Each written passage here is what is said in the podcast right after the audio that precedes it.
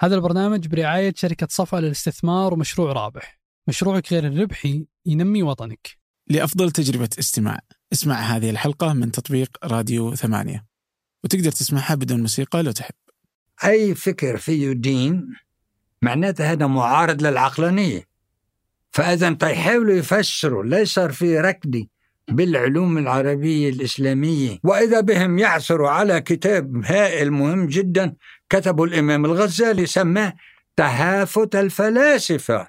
بس ما قال تهافت الفلسفة. طمشوا اثنين ببعضهم حتى يقولوا شفتوا؟ فإذا هذا المتدين اللي بيحيي علوم الدين هذا اللي قضى على العلم العربي. لذلك بيقولوا إنه العلم انتهى مع الغزالي. طيب لما نتكلم عن الحضارة العربية إحنا يعني هي ازدهرت في فترة. لما نقول الحضارة العربية يعني نتكلم عن الحضارة في عهد الدولة العباسية أعتقد توقف.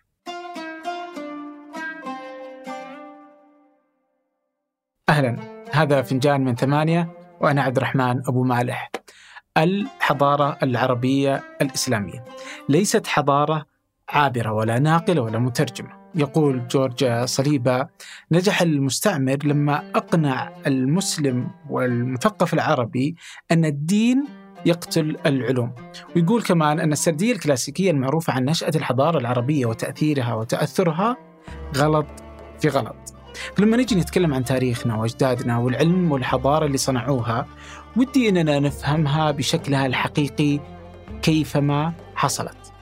فهل فعلا نشر الغزالي كتاب تهافت الفلاسفة هو ما أسقط العلم لدى المسلمين؟ إذا لا هذا اللي يقوله ضيفي فمن اللي يقول بهذا الشيء؟ وكيف انتشر هذا الكلام؟ فتجد العلماء والعلوم لم يتوقفوا حتى القرن السادس عشر بينما الغزالي توفي في القرن الثاني عشر.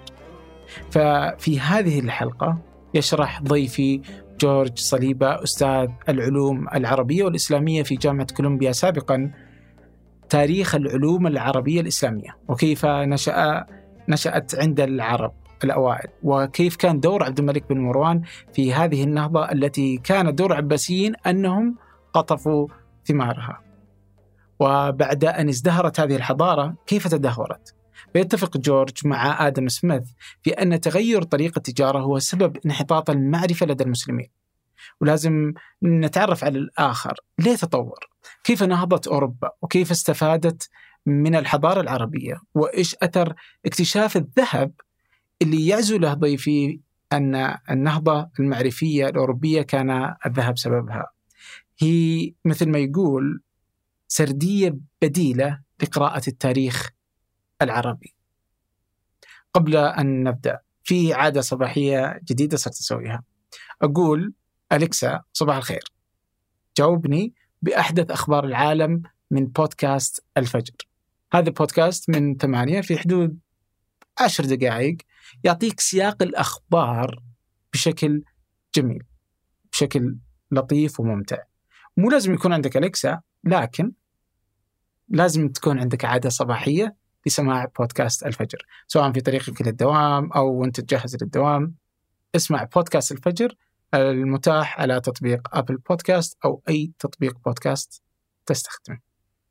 أما الآن لنبدأ. درست في بيروت؟ درست مش درست إيه؟ درست بالأول درست. وبعدين درست. وبعدين درست. اي بعدين قبل ما أروح لأمريكا درست أيضا بالجامعة الأمريكية ببيروت ولكن بفترة ما بين ال bachelor والماجستير. آه. Yeah. بعدين رحت الكولومبيا في نيويورك؟ لا رحت اولا رحت كطالب إعارة مش تبادل ما بين جامعة ستانفورد وجامعة الجامعة الأمريكية بيروت.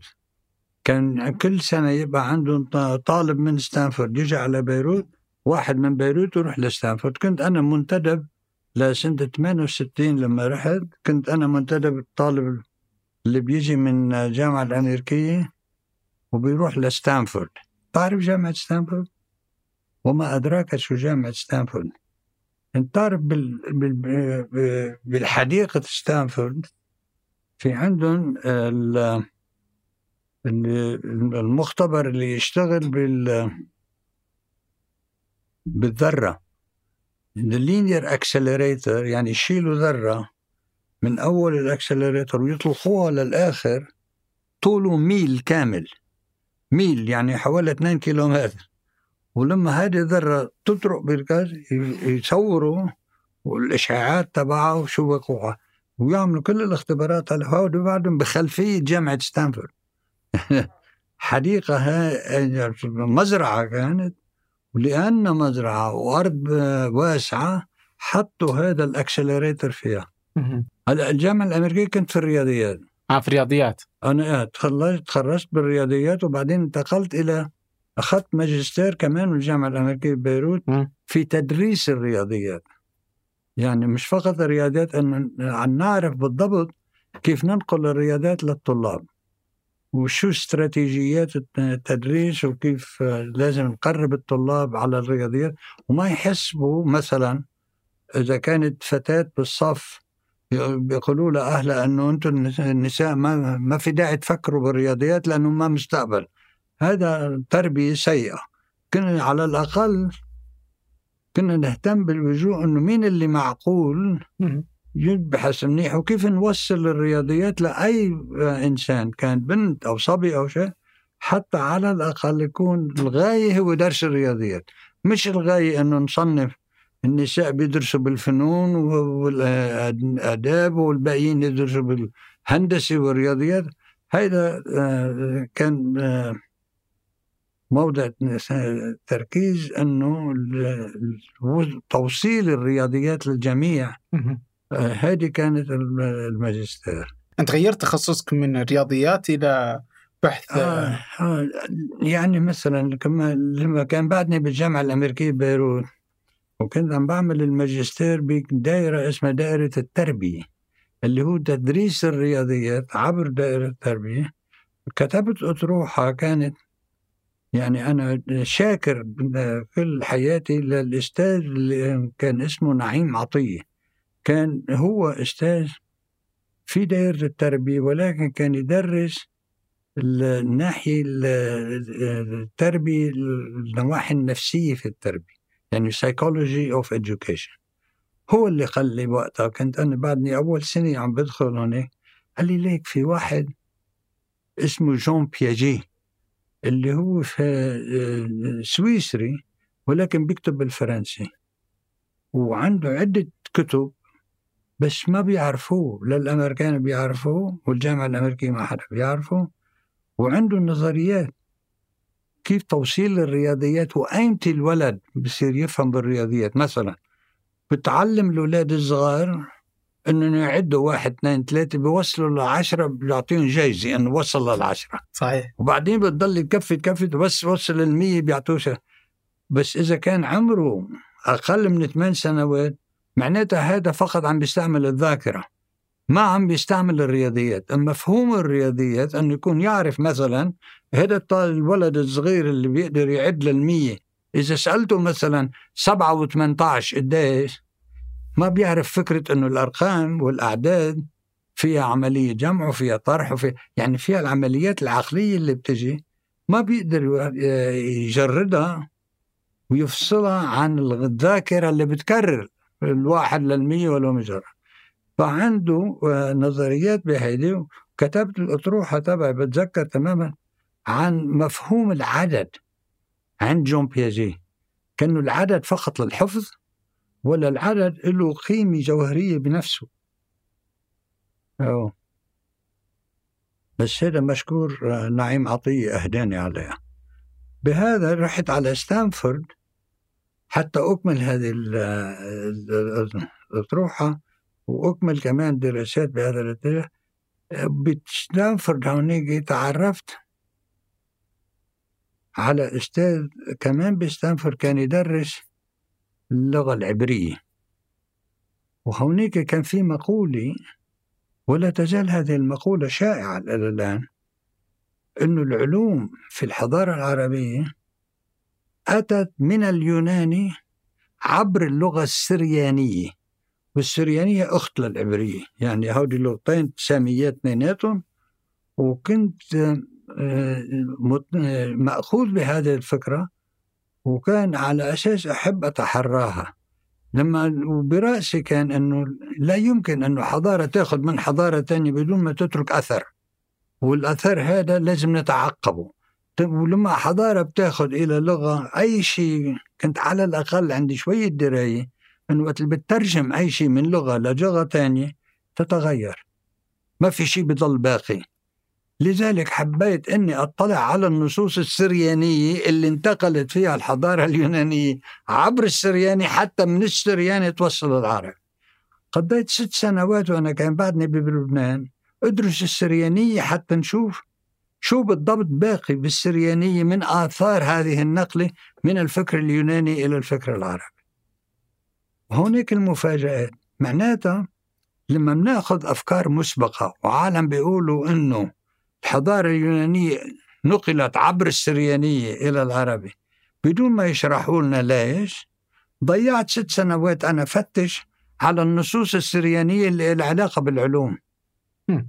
وإذ بي اجد من بعد ست سنوات 99% حتى ما أقول 100% 99% من الأدب السرياني الباقي لدينا هو تعليق على التوراة تعليق على الكتاب المقدس ما له علاقة بالعلوم اطلاقا اطلاقا آه. ابدا فاذا السنوات اللي ضيعتها كانت هيدي مثل بدك تقول واحد عم بيسيء عم بيسيء هدايتي عم بيهديني لمحل تاني. أي كتاب بتفتحه ولا بيقولوا لك إنه العلوم بلشت باليونان انتقلت عبر السرياني وصلت للعرب كتر خير العرب بس ناموا العرب وعية أوروبا أخذوها.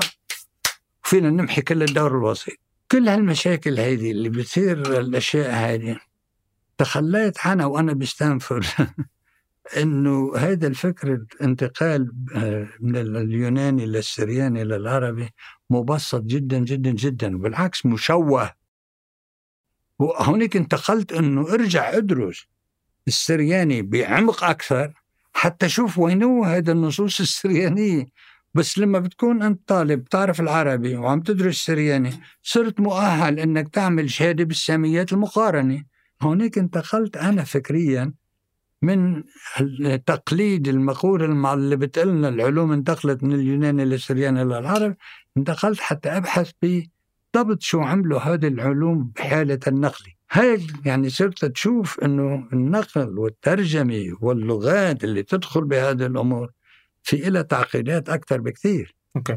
طيب إذا أنا ودي أدخل في تعقيدات بس ودي قبلها أنا علشان أفهمها إحنا نقول إن عندنا الحضارة يعني أول شيء في السردية اللي أنت تبغى ترمي لها ان أن العرب أخذوا من اليونان مو من السريانيين في فترة إيه؟ م. يعني لما وصل النضج العلم العربي من بعد ترجمات ناس مثل آه، حجاج اللي صارت بأوائل الفترة العباسية صاروا يقدروا يقرأوا النصوص اليونانية المعقدة وصار عندهم اللغة التقنية يتعاطوا معها. ساعتها صار في نقل من العلم اليوناني مباشرة إلى العرب ممتاز. طب أنا ودي أعرف اليونانية نفسها. آه كيف كيف بدأت وكيف انهارت؟ الحضارة هذه. كمان آه، هي نتيجة آه، يعني في عدة علماء يونان من أيام ما قبل أفلاطون حتى هم يتعاطوا بهذه الأمور. يعني معظم الشعوب عندها تصور للأشياء اللي بيشوفوها بالظاهر. مثل ما كان ما بين العرب مثلا في تصور كوزمولوجي يختلف تماما عن الموجود في اليوناني. مثلا إذا تطلع هلأ على النجوم اللي وصفهم آه، آه، عبد الرحمن الصوفي اللي وصفهم بمنتهى الذكاء لقى عبد الرحمن الصوفي عم بيشتغل حوالي سنة 360 370 هجري ب 968 عم عم بيشوف إنه قدامه في عنده وصف للكواكب جاي من اليوناني مباشرة وفي عنده وصف ثاني يأتي من البدو من الحضارة العربية السابقة للتعرف على اليوناني. وهودي عندهم تصور للأفلاك تختلف عن هذا.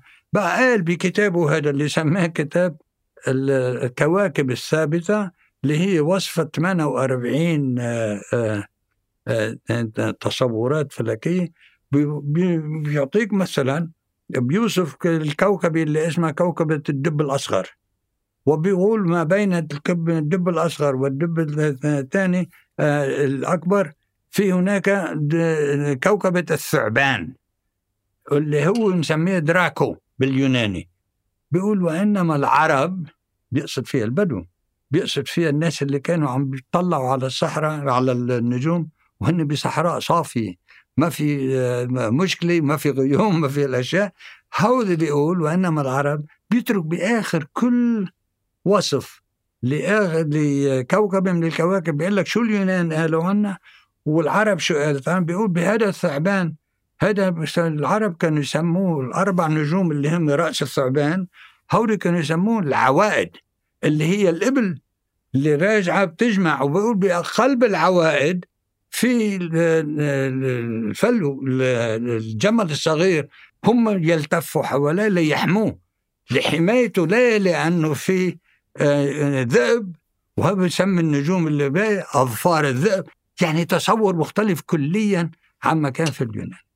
اللي جمعهم هو هذا عبد الرحمن الصوفي. جمع اثنين وبيعطي بكل الأوصاف اللي بيعطيها الفكر اليوناني. وبيعطي التراث العربي وكيف نفهمهم مع بعضهم.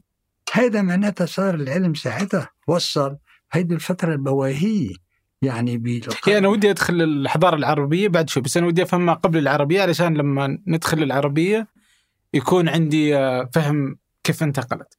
فوش اللي خلى الحضاره اليونانية تأفل وتطيح؟ تسقط. آه هو لم يعني خفتت وما خفتت بطلميوس اللي بنتحدث عنه اللي هو قمة الفلك اليوناني كان يكتب بالقرن الثاني الميلادي. القرن الثاني الميلادي يعني سنة ال 1170 150 آه وكان هو بالإسكندرية عم بيكتب. والإسكندرية كانت مستعمرة يونانية كل ملك العالم. تعرف واللي أسسها هو اسكندر المقدوني. هذه ولذلك سميت الإسكندرية. هذا يكتب على الفترة هذه وهذا كان قمة المعارف ال- اليونانية. ولكن التفسير العام ال- الحضارة اليونانية نفسها استعمرت من الحضارة اللاتينية. يعني اللاتين اللي هي مسميها نحن الإمبراطورية الرومانية ما شاء الله. إمبراطورية الرومان. ما في كتاب فلكي واحد بال- باللغة اللاتينية بالفترة هذه.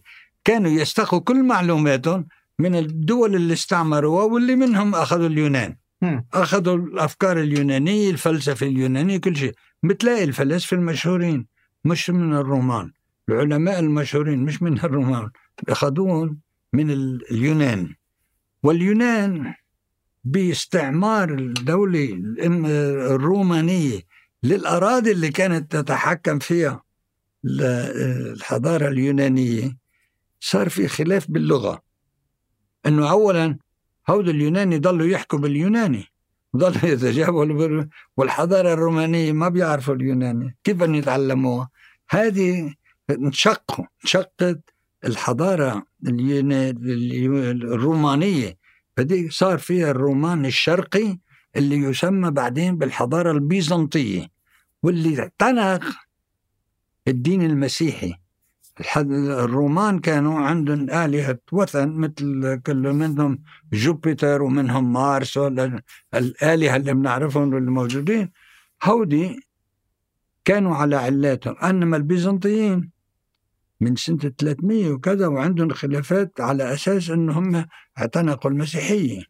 ولكن مش على علاتها اعتنقوا المسيحية بمشاكل بقلبها. كمان أي دين أي شعب يدين بدين في عنده ت- آه، مش تناقضات قد ما عنده أسئلة عن معنى الرسالة. ومعنى الرسالة مثلا في المسيحية هل مريم العذراء هي أم الله أم هي مريم آه، فقط كما ورد في القرآن؟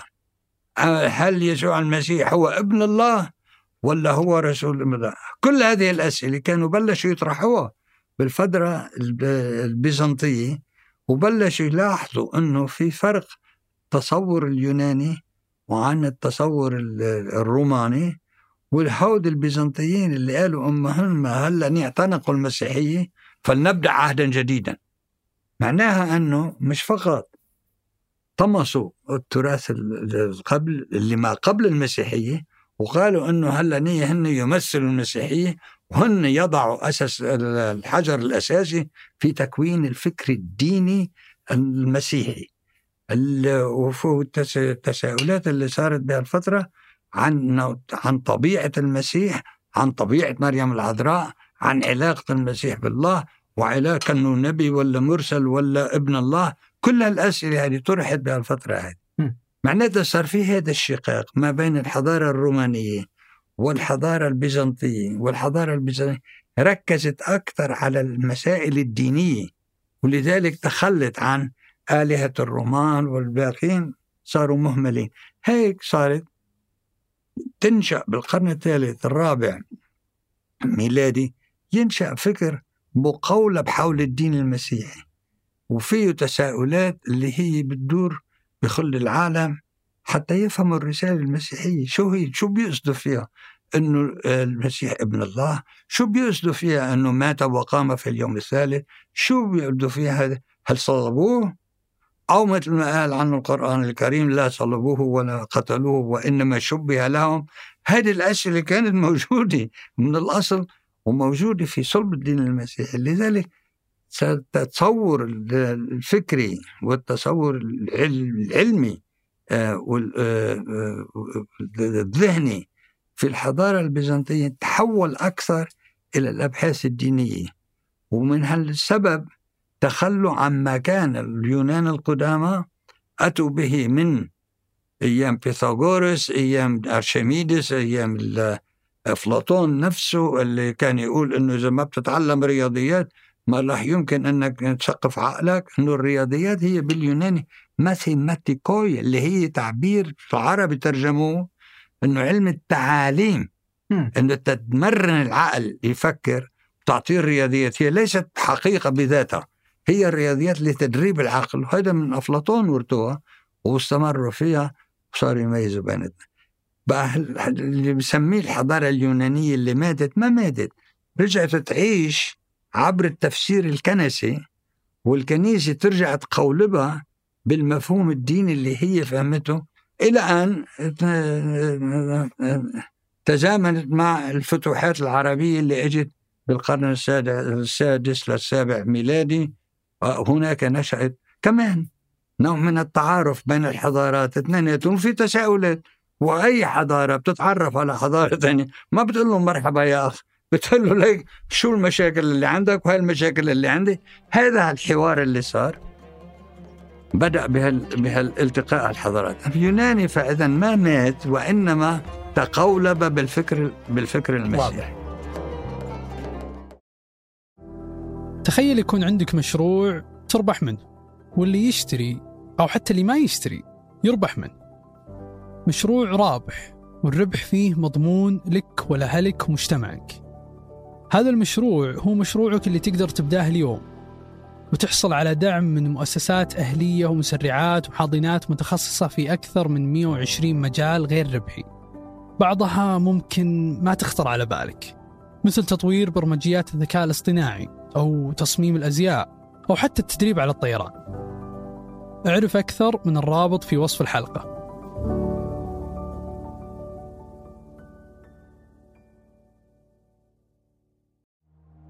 وش أكثر شيء يهمك لو قررت تشتري شقة؟ سواء للسكن أو الاستثمار.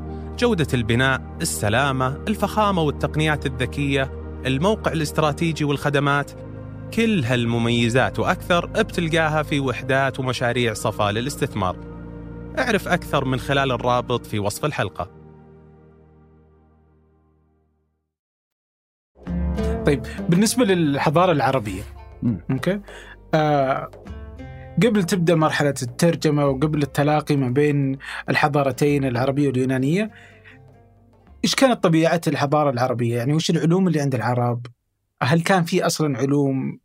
ما في شك مثل ما قلت لك إنه هلأ نية هذه الكواكب الأربعة خمسه اللي هن على على رأس الثنين اللي يسموه العرب كانوا يسموه العوائد اللي هن الإبل. يعني اناث الإبل اللي عم بيلفوا حول الربع اللي يسموه الولد الجمل وعم بيحموه. هناك في تصور فلكي موجود قبل ما يتعرفوا على اليوناني لذلك اصطدموا لما تعرفوا الحضارتين. ولما اجى عبد الرحمن الصوفي وفق بيناتهم حس إنه في نقاش إنه الفكر اليوناني بيقول شيء والعربي معناته هذا العرب لم يأتي من الغيب. هذا كان موجود ومؤصل والبدو عم بيعيشوا يعني أهل الصحراء عم بيعيشوا هذه الأجواء وعم بيسموها بالأسماء اللي هن بيعرفوها. بنسموا مثلا في كوكب اسمه الناقة مش موجوده بالفترة اليوناني وهذا كلها دخلوها لأنه هن بيعرفوها بهالشكل. بيقولوا مثلا الاسطوره الثالثة اللي بيقولوا شو بنسمي هذه الكواكب اللي بتبقى على آه، آه، رجلي الدب الأكبر. في أنت إذا بتطلع على الصورة بتلاقي في آه، على الرجل الأمامية والورائية الأولى والثانية بتلاقي في نجمتين قراب على بعضهم. اليوناني ما بفسر هذه.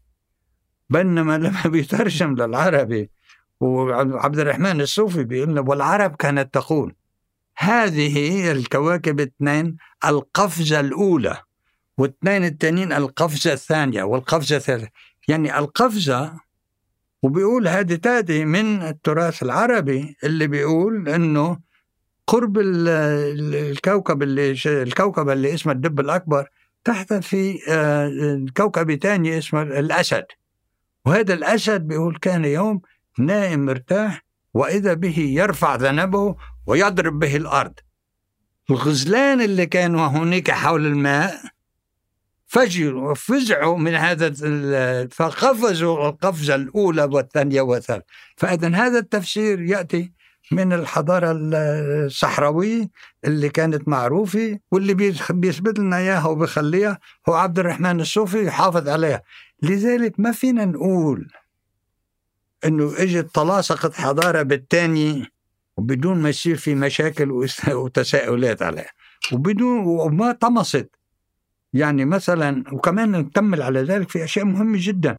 إنه الحضارة اللي نشأت بالعلم العربي واللي تبنوه الحضارة الأوروبية بعدين واعترفت فيه وأخذته هذه الحضارات مثل عبر ناس مثل عبد الرحمن الصوفي لصقت الحضارتين اليونانية والحضارة العربية واستحفظت عليهم اثنيناتهم لدرجة إنه بننتظر حوالي 400 سنة وراها بيجي بالعصر النهضة الأوروبية. واحد عالم فلكي اسمه بيتر أبيانوس. عم بيكتب بسنة 1490 لل 1500 ميلادية. هذا أبيانوس بيقول نحن ما بنعرف شيء عن الكواكب. ولكن منشوف عنا الوصف اليوناني. والوصف اليوناني ما بيسمي الكواكب بيقول هذا النجم في مقدم آه، صورة الدب مثلا. يعني بيوصفوا بجملة كاملة بينما بالحضارة البدوية اللي أخذها اللي كان آه، عبد الرحمن عم بوفق بينه وبين اليوناني عادة بيسووا النجم آه، باسم واحد. تلاقي بيقولوا هذا نجم الفرد هذا نجم المرزم هذا النجم كذا. فهذا بيكتشف آه، أبيانوس بالعصر النهضة بيكتشف أن الأسماء البدوية العربية أسهل للترجمة وللنقل. بقى بياخد من عبد الرحمن الصوفي بنقي ما قالت العرب وبيدخلهم باللاتيني تصاروا هن أسماء النجوم اللي هلأ متعارف عليهم بين بالفلك الحديث. بعد الأسماء العربية موجودة بالسماء والعالم تتع... ولكن هذه الأفلاك والأسماء هذه لم تأتي عبر اليوناني أتت عبر الحضارة العربية البدوية واللي استقاها عبد الرحمن الصوفي وحافظ عليها بكتابه ومنها انتقلت إلى اللاتينية وأصبحت هي جزء من العلم الحديث. يعني شايف أن القصة معقدة جدا جدا. طيب لما نتكلم عن الحضارة العربية إحنا يعني هي ازدهرت في فترة لما نقول الحضاره العربية يعني نتكلم عن الحضارة في عهد الدولة العباسية أعتقد توقف الدولة العباسية أتت لصقة على آه. لم تبدأ الحضارة بالدولة العباسية متى بدأت؟ الدولة العباسية الدولة العباسية أتت من بعد 150 سنة من الحكم الأموي والحكم الأموي اللي بدأه آه، معاوية واللي سبب مشاكل هائلة لما قام سمى ابنه يزيد ولي العهد قالوا له هذا هيدا هيدا الكسرويه يعني الولد ما بيكون آه، يورا. مشاكل أي ولد يحكم؟ وأي ولد له حق بالحكم؟ لأنه كانوا معظمهم بهذه الفترة الأولى ونجعل الأمر شورى بينكم. مش إنه الواحد يوصي بابنه. ولذلك عبد الله بن الزبير احتج وعمل الثورة الهائلة. وبطل يخلي الناس تجي على الحج بمكة إلى أن تعطيه البيعة بالأول لأنه بيقول أنه ما له حق معاوية. يسمي ابنه يزيد ولي عهده معناته ابنه هذا كيف بدك تسميه صرنا مثل الدولة الكسروية. معناتها صرنا عم نتوارث الحكم وهذا الورث كليته طبيعي ان يعرفوا فيه بهذيك الفترة الملوك كل ما دخلوا على قرية أفسدوها. ما ما بنى هذا الحكم بنى الحكم اللي بيقول ونزلت فيه آية الشورى. وهذا الحكم اللي بيقول ونجعل الأمر شورى بينكم. هذا التشاور هو التقليد البدوي. لما يموت شيخ القبيلة ما يقولوا جيبوا ابنه مباشرة. بيجيبوا بالقبيلة مين أشجع واحد يقود القبيلة؟ وبنقوا يتشاوروا بيناتهم. هذا النمط اللي نزلت سورة الشورى حتى تستكمله. هذا اللي سبب المشاكل بعدين ما بين الدولة الأموية وده ده توصل للدولة العباسية. كان بات اللي بات يعني راح اللي راح. ما تنسى الدور الأموي لذلك أنا بركز آه، اللي أنا بسميه السردية البديلة على السردية الكلاسيكية. بقول إنه إذا بنطلع السردية الكلاسيكية اللي هي؟ الكلاسيكية اللي بتقول إنه بلش العلم باليونان نقل عبر السرياني صار بعدين عند العرب كتر الله خيركم. هلأ فيكم تناموا ونحن بنستلمه بتصير عصر النهضة. ممتاز. إيش السردية البديلة؟ البديلة بتقول لا إنه الحضارات هيدي لما انتقلت له تطورت العلوم فيها تغيرت العلوم من جملتهم مثلا. الحاكم الأموي أشهر واحد مش معاوية لأنه معاوية كان بالفعل سياسي بالدرجة الأولى ولا ننسى أنه إلى الآن لا نزال نستعمل تعبير شعرة معاوية. تتذكر هذا التعبير؟ لازم نضل نعرف شو معناته. وهذا بالدرجة الأولى تعبير سياسي وتعبير كيف تدير أمور الدولة وما تكون كس كن تكسر يكون تترك مجال لعدوك ياخذ ويعطي. هذا بعد منه اجى آه، مش مباشرة آه، بحوالي سنة ال 685 ميلادي آه، الحكم الأموي انتقل من بني سفيان إلى بني مروان. وهنا نشأ عبد الملك ابن مروان. عبد الملك ابن مروان هو أنا بعتبري باعتقادي أنا يكون نسرية جديدة لأنه هذا كان تجي رسائل إلى فترة عبد الملك. تصور الرسول عليه الصلاة والسلام توفي سنة 632 ميلادية. وهنا عم نتحدث على 685 يعني بعد حوالي 50 سنة من بعد وفاة الرسول. ولا كانت لا تزال الدولة الفتوحات العربية تتداول اقتصاديا بالوضع الاقتصادي القائم. يعني كانت مثلا البلدان اللي نحن نسميها هلأ العراق وسوريا إلى امتداد آه، البحر الأبيض. هذه الدول كانت تحت الحكم البيزنطي وكانت تتداول بالدينار البيزنطي.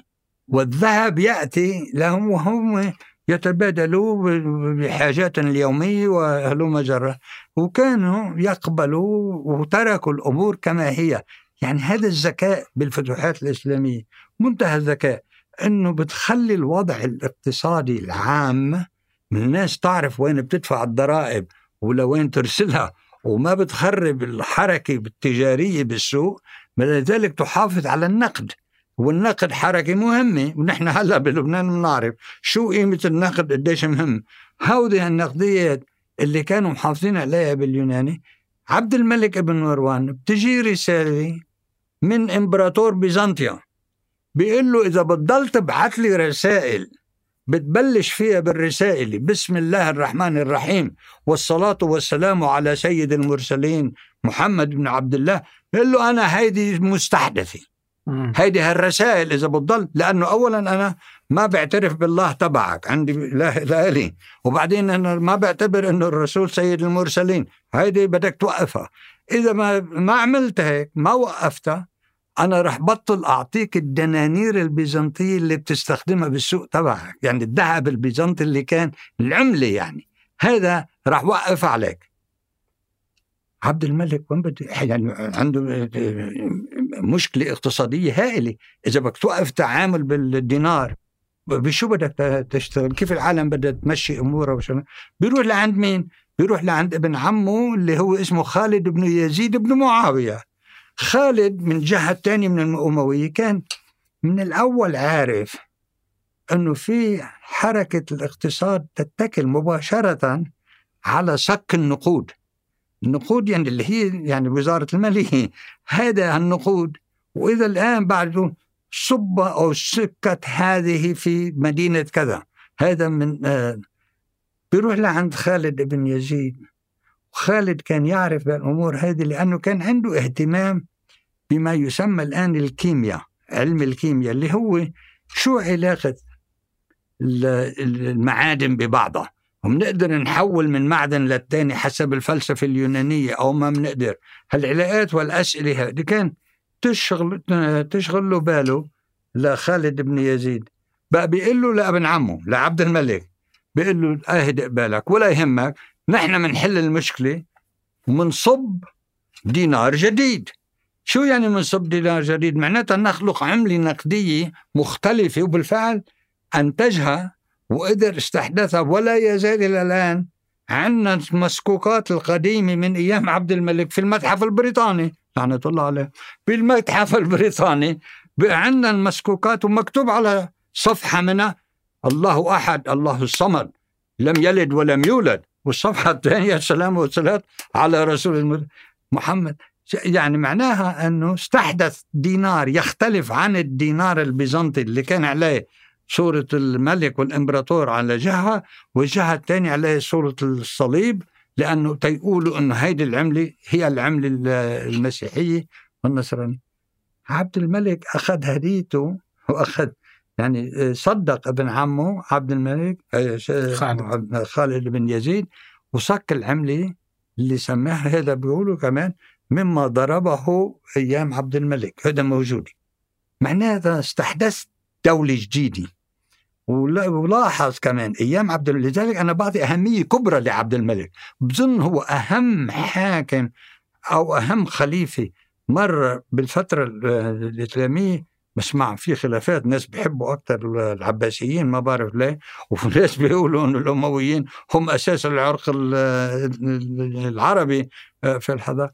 هو على كل حال هو اللي سك العملة ومشاها بالسوق. يعني صارت العملة العربية الدينار واللي هداية من آه، آه، خالد بن يزيد لأنه كمان لما بتسك الدينار تشوف ليش هالأشياء مهمة هاي. لما بتسك الدينار ما فيك تحطه ذهب خالص. الذهب الخالص ينطوي.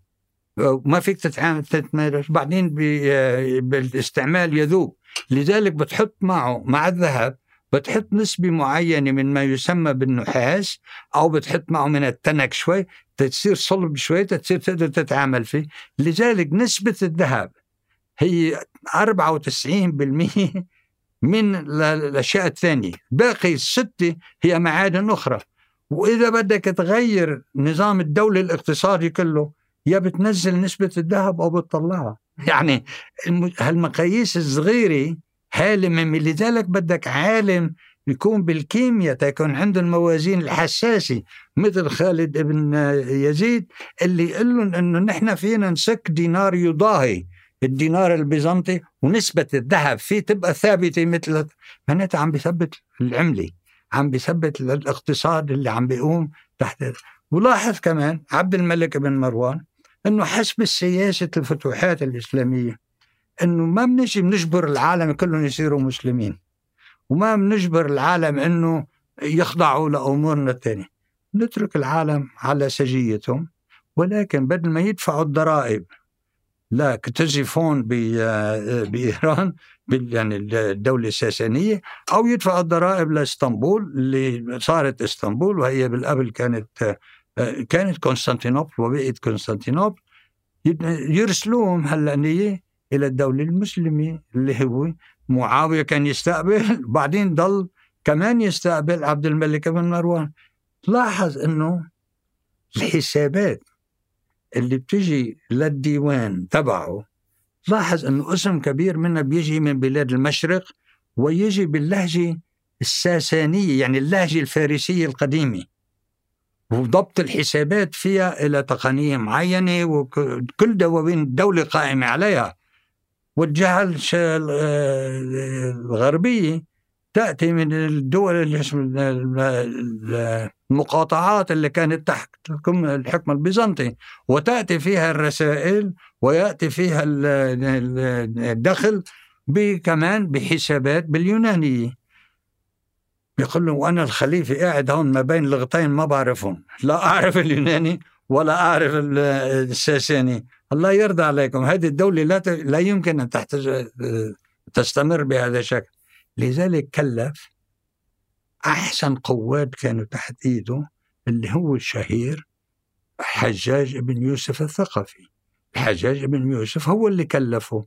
عبد الملك بن مروان كلفه أن يهدئ ثورة عبد الله بن الزبير حتى العالم تروح للحج بدون ما تجبر إلى إعطاء البيعة لعبد وهذا كان قاسي هذا القائد الفظيع اللي اسمه الحجاج آه هذا كان قاسي لدرجة أنه أهدأ ثورة الزبير بقى بيجي عبد الملك بيقول له للحجاج بعد في عنا هذه مشكلة الناس اللي واقفين بعدهم مع علي إلى الآن والشقاق ما بين الشيعة والسنة قايم.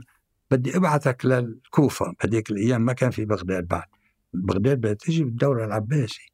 بدي بعتك للكوفة وانت تهدئ من روعه وتهددهم وتقول لهم إذا ما تبعونا وإذا ما بيتسمعوا للخليفه عقاب الله رح ينزل كليتنا بنعرف حتى بالمدارس الثانوية كليتنا نغيب الخطبه اللي قام فيها الحجاج بن يوسف وهو قاعد بمسجد الكوفة واللي شال الكفية عن وجهه قال له أنا ابن جلا وطلاع الثنايا متى أضع العمامة؟ تعرفوني؟ يا أهل العراق يا أهل الشقاق والنفاق. نشر عرضهم سبهم يعني وقال لهم إذا أمرت أحدكم أن يخرج من هذا الباب وخرج من الباب الآخر لقطعت وراه أوبس وقفت العالم وقال لهم الخليفة اللي هو عبد الملك نثر كنانته بين يديه وعظم و... إيه وعجمها فرآني وجدني أشدها عودا فرماكم بي. هذا التأسيس الدولي. هذا عبد الملك اللي قال له انه هذا الدواوين اللي بتضل تجي برسائل فارسية والثاني بيقول الله يرضى أنا أتخلص منهم هذا.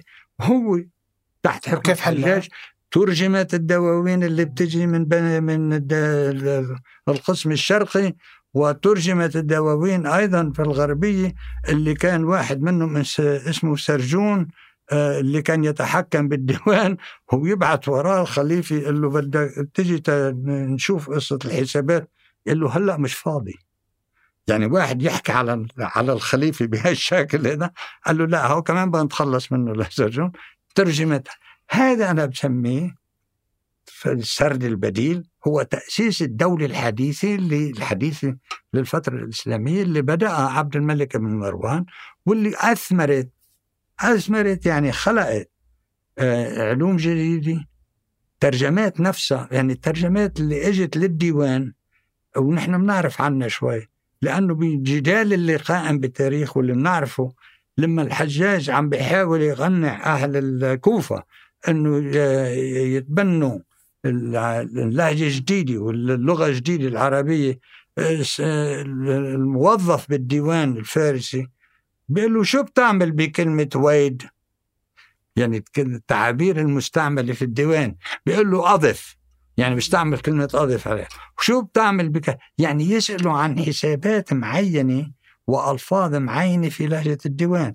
معناتها هذه نقلة الديوان هي نقلة إدارية نقلة اقتصادية هي بناء دولة تتكلم بلغة جديدة. كل هذه الأمور لم تحدث في الدولة العباسية والبرهان أن العباسيين لما استلموا الحكم ما بعد الخليفة اللي نحن عادة يقال عنه مروان الحمار هذا اللي هو آخر واحد بالدولة الأموية استلموا بعده. ما رجعوا الدواوين للفارسي أو لليوناني أبقوها كما تركها عبد الملك.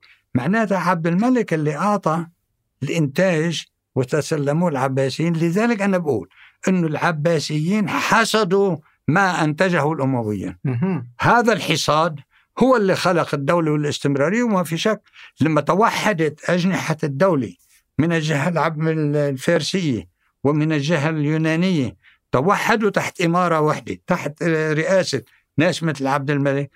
إجت الدولة العباسية واستفادت من هذا الوضع وهذا الثراء اللي اجى وهذا توحيد الاقتصاد اللي راح فيه الهدر بالأموال وصارت الأموال كلها تدار من ديوان واحد وهو الديوان الملكي أو الديوان الخليفي.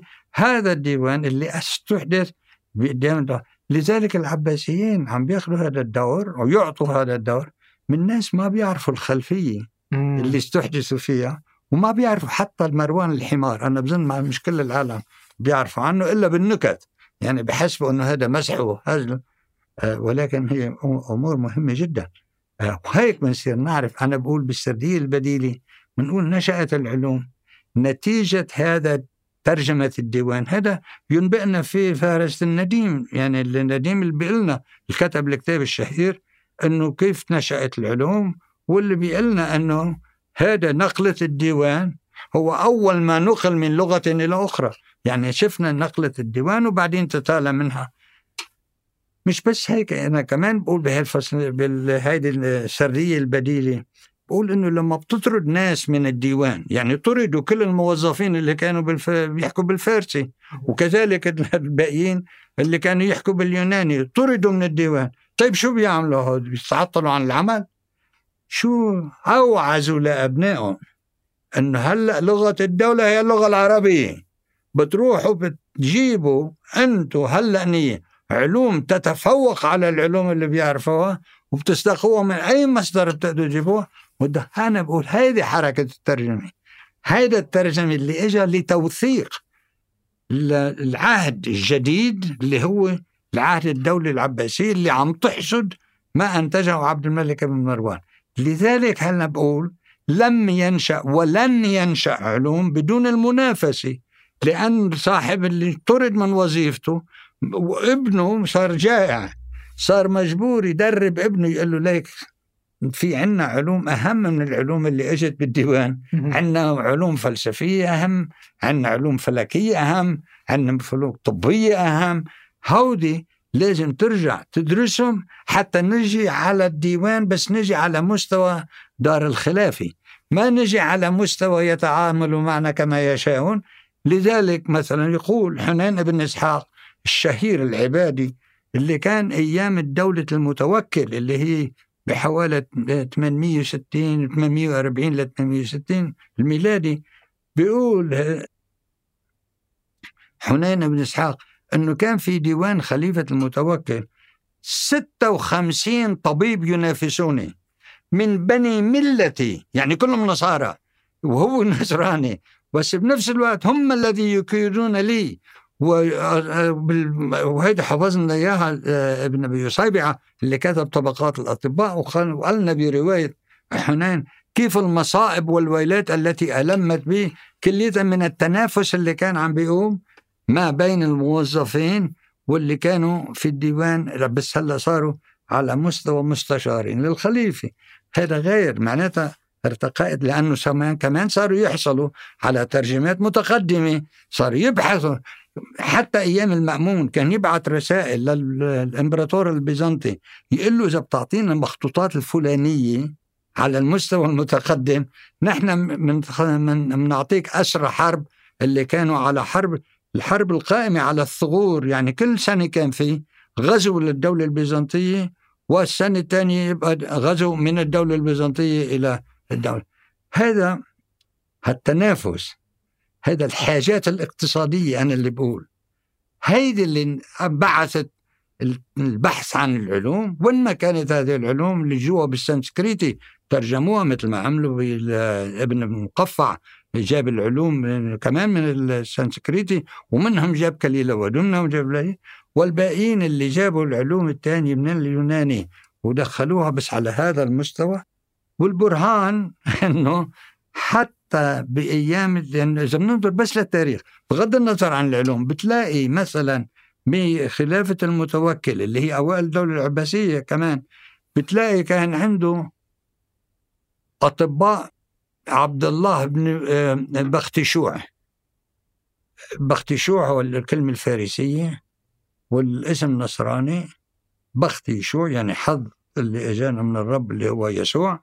ولذلك توارثوا هذه الأماكن كمان من آه، دائما في جبرائيل بن بختشوع أو بختشوع بن بختشوع من أيام الدولة أول الدولة العباسية خلافة المنصور اللي بيأتي بيجي عم بقول يحصد فيها ما أخذه من الأمويين ويوظف في الديوان تبعه. هؤلاء الضليعين هلأ بالعلوم لأنه الترجمة اللي فرضتها الوضع المتنافس من أيام عبد الملك إلى أيام المنصور يعني حوالي 100 سنة. هذا التنافس خلق نقل العلوم خلق التنافس والتقدم يأتي بالتنافس. صحيح. وإقامة المؤسسات التي ترعاها وحتى صار كل ما اللي عنده أموال يطال بما يشاء ويطلب الكتاب الفلاني اللي يعرف إنه موجود بالإسكندرية.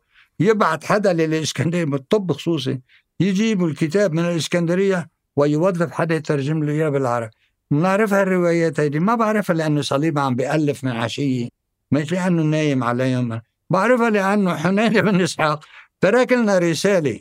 اجته رسالة من علي بن عيسى اللي هو كمان موظف بالديوان. بيقول له بالديوان أيام الخلافة بيقول له قديش عندنا من الكتب اليونانية في الطب التي ترجمت؟ بيجاوبوا جواب الرسالة عندنا إياه بعده محفوظ وعندنا إياه بالعربي مثل ما هو كاتب حنين. وبيقول له هذا الكتاب الكتاب ترجمه فلان لبختشوع هذا الكتاب الآخر ترجمه فلان لمحمد بن موسى بن شاكر. أوبس مين هذا محمد بن موسى بن شاكر؟ نلاقي أنه هو ندماء للخليفة. هودي كان يتكل عليهم الخليفة وكان هن يقوموا بهالمشاريع لاستجلاب العلوم وينما وجدوها. هؤلاء اللي خلقوا اللي أنا بسميه العالم بسموه الثورة العباسية كله هذا آه، هراء. هودي التحركات الاجتماعية الاقتصادية والتنافس الاجتماعي هو اللي خلق العلوم الحديثة حديثة يعني بفترة آه، الاوائل والعباسيين أجاهم المجد من حيث لا يدرون. طيب الآن وش العلوم اللي تميزت فيها العرب؟ يعني اللي أقدر أفهمها الحين إنه أغلب يعني أغلب الصراع أو أغلب العلوم اللي ترجمت للعربية إنها كانت عبارة عن إنه ناس من أصول غير عربية ترجموا علومهم إلى العربية علشان آه، يكون عندهم حظ أوفر عند الخليفة. بس فاذا أنت تعزز فكرة إنه كله ترجمة. هو لما بتبدأ بالبيت وتطيح بمدماج يتهامر كان البيت كله بالآخر. لما بدأت بترجمة للحاجات الماسة اللي كانوا أولاد الموظفين في الديوان يحتاجون إليها ويرجعوا إلى مستشارية الخليفة على هذا المستوى هذا له توابع. هذه التوابع بصير الكتاب يجر الكتاب الآخر. وهذا شرح للكتاب الأول فنترجم الشرح. لذلك تتمدد هذه. يعني مش عملية كتاب واحد مش عملية نلاقي واحد يعرف يوناني وهذا يعرف عربي. لا بنصير نلاقي ناس بيعرف يوناني وبيعرف سرياني ويتناقشوا لدرجة بهيدي رسالة حنين اللي بيبعتها لعلي بن عيسى وبيقول له ترجم من كتب جالينوس كذا وكذا وكذا وبيقول له وهذا الكتاب أنا ترجمته لابن طيفور وإنما طلب مني أن أبقيه بالسريانية ليه؟ معناتها عم بحافظ على اللغة كلغة سرية سرية ينافس فيها الأطباء الباقيين. لو تركها بالعربي صار كل العالم بيعرفوا قال له هذا بدنا يخلي الكتاب بالسرياني تضل بمحفظتي أنا. أنا بستشير فيه. يعني بتلاقي بهذا الرسائل هاي اللي ما أنا ألفتها. اللي مألفها وحفظ لنا إياها الله يرحمه ويكون بعونه. ويحطوا بالمجالس العليا في اليونان هو ابن أبي اسيبعه اللي كتب طبقات الأطباء وجمع فيها كل شيء بيقدر يعرفه عن حياة الأطباء ومنهم حنين بن إسحاق ومنهم هذه الرسائل. وهذه منها أيضا منها كتب انه ليه المصائب اللي أصابت حنين بن إسحاق ومنلاقي إنه حنين بن إسحاق أصيب بمصائب مش لأنه لم يكن يدري بالأمور الطبية. ولكن لأسباب تقنية كنيسية بالدرجة الأولى. بهذه الفترة يعني اللي كانت الحضارة الإسلامية تتصارع فيها مع الحضارة البيزنطية اللي هي البيزنطية يمثلون هذه الفترة كانوا الدولة المسيحية النصرانية. والباقين يقولوا لهم لا يا جماعة الله في نحن اهتدينا وعنا القرآن أنزله الله علينا ونحن هلا أبناء حضارة ثانية. الخلافات اللي كانت من جملة وكانت المآخذ اللي كانوا المسلمين يأخذوها على الدولة الدولة البيزنطية أنه بعدكم تعبدوا الصور. شو هذه أيقونات وصور؟ وشو شغلات تسموا هذا آه، ابن الله؟ يعني عم ما عم تعرفوا الله الواحد. كل النقاشات هذه كانت قائمة. لذلك نشأ حتى في الدولة البيزنطية ثورة على الأيقونات. إنه الأيقونة نحن بنعبدها ولا بس بنتمثل فيها؟ شو دور الأيقونة بالكنيسة ودورها بالدين المسيحي؟ وحنين بيظهر إنه كان يقول إنه هيدي الأيقونة هيدي ماشي هيدي للتذكير إنه في مريم العذراء. وإنه هذا للتذكير إنه كان في آه، آه، آه، المسيح. وبنفس الوقت قالوا له إذا كانت بس هيدي للتذكير هيدي سورة مريم ابصق عليها. فبصق قال له هذه سورة ما لها قيمة.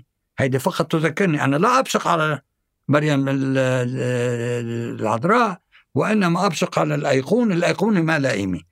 شكوا للخليفة قالوا للمتوكل ليك هذا النصراني موظف عندك وهذا يكفر لأنه عم بيبصق على آه، رموز المسيحية. شو بيعمل الخليفة؟ متوكل. ما حكم عليه. راح بعث للمطران السرياني المسيحي وقال له عندك واحد بجاليتك بيعمل كذا. شو بتعمل فيه؟ قال له بحطه بالحبس. يعني معناه بدأ تأسيس اللي بعدين انعرف بالدولة العثمانية الملي سيستم يعني نظام الملي. يعني الخليفة لا يحكم بأمور دينية يتركها لقواد الديانات هم يحكموا فيها. وهذا نوع من الحريات يعني عم تخلق بقلب الدولة اللي تعترف بالإسلام وتؤمن بالإسلام. تفسح مجال أيضا للديانات الأخرى اللي هضمها الإسلام واعتنقها على أساس أنه هودي أهل الكتاب وليه بدنا نتخلص منهم أو نجبرهم أنه غيره. تركوهم بس كانوا لما يصير في خلافات فقهية مثل خلافات كانوا الأيقونة مقدسة أو مش مقدسة يرجعوا فيها للمطران أو اللي كانوا يسموه مفريان بديك الأيام هذا هو اللي يحكم فيها. الخليفة ما يقول لهم أن هذا كله كفر لعنة الله عليكم كلكم يا تعتقدوا بالإسلام يا خل... لا لا أجبرهم يغيروا ولا أجبرهم يغيروا تقاليدهم. هذه التقاليد كانت مستمرة. وحنين بيقول لنا أنه المصائب اللي ألمت به هي من بني ملتي. يعني الصراع كان قائم. على جميع المستويات ومستويات معقدة ولا يجب تهوينها يعني ما يجب نبسطها. لما منبسط من سوء فهمها بالآخر. واضح. طيب أنا ودي أعرف وش العلوم اللي ازدهرت أو اللي ابتكرها العرب جراء هذا دخول المعرفة من حضارات مختلفة؟ أولا اللي هو مهم جدا جدا بالنسبة للحضارة الإسلامية بالدرجة الأولى. طب هل نقول عنها حضارة إسلامية ولا عربية؟ نعم. آه آه لا هذا مشكلة.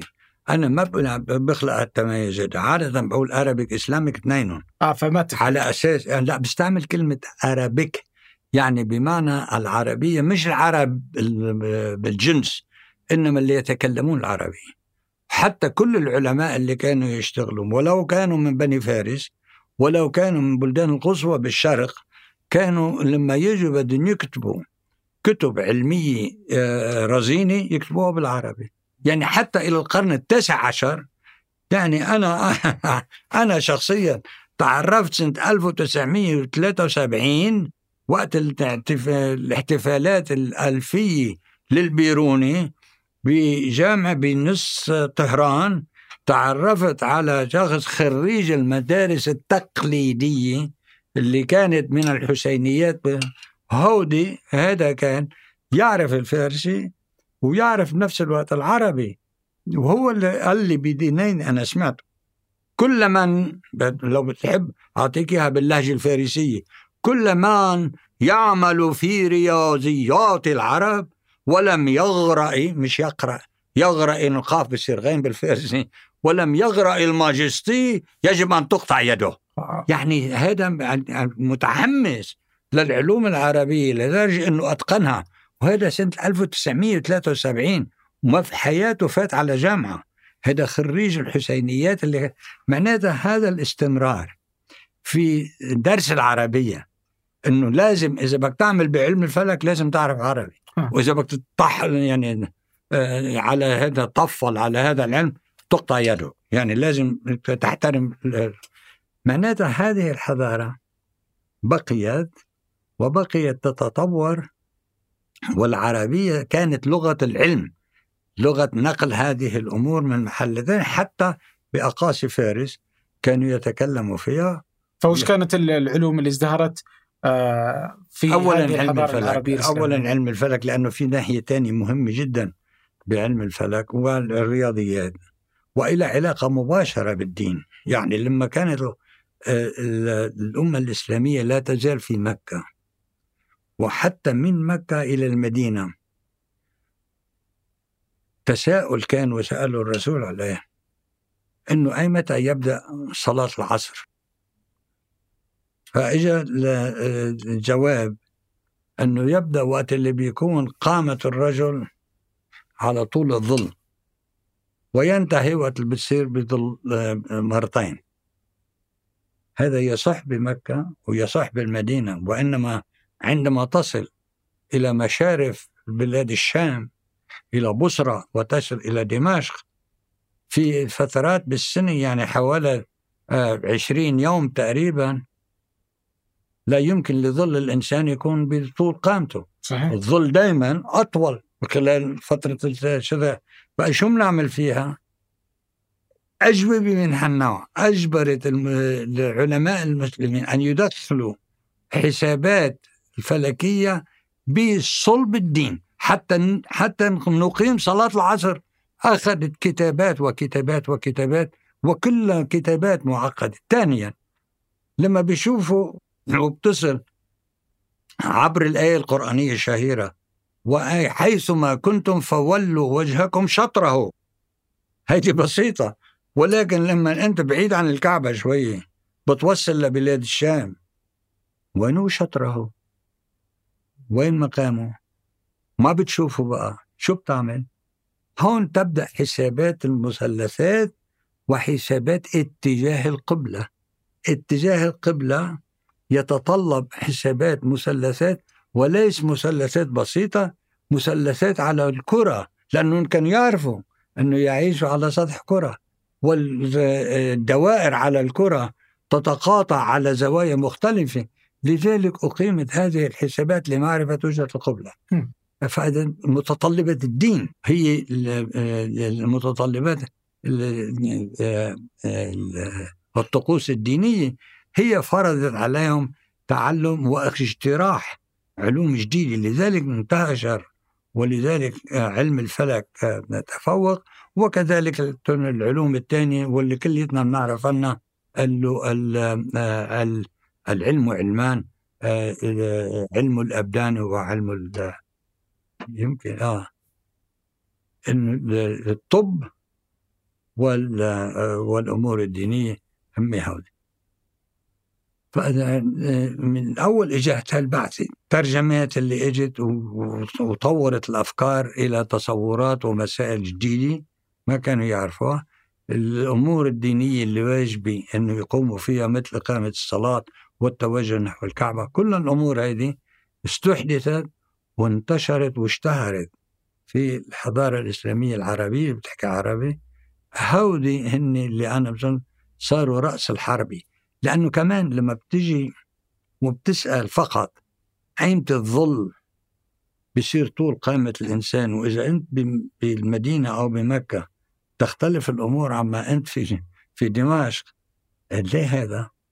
بتكون عم تستحدث أيضا اللي أنا بسميه الجغرافيا الرياضية يعني علاقة الوضع بطول خطوط الطول وخطوط العرض كل هذا صار علم جديد يدخل فيها كمان آه، وكما إذا بتاخذ مدماك واحد في البيت وبلشت ت- ت- تزيحه بتزيح البيت كله معه لذلك التوابع هذه كانت جزء من تكملة البيت آه.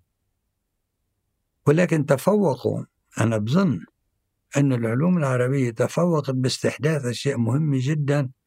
مثلا في الفلك اليوناني وقت اللي كانوا بدهم يحسبوا مقدار ميل الأرض لأنه ميل قطر الأرض آه، يحدث منه تغيير الفصول.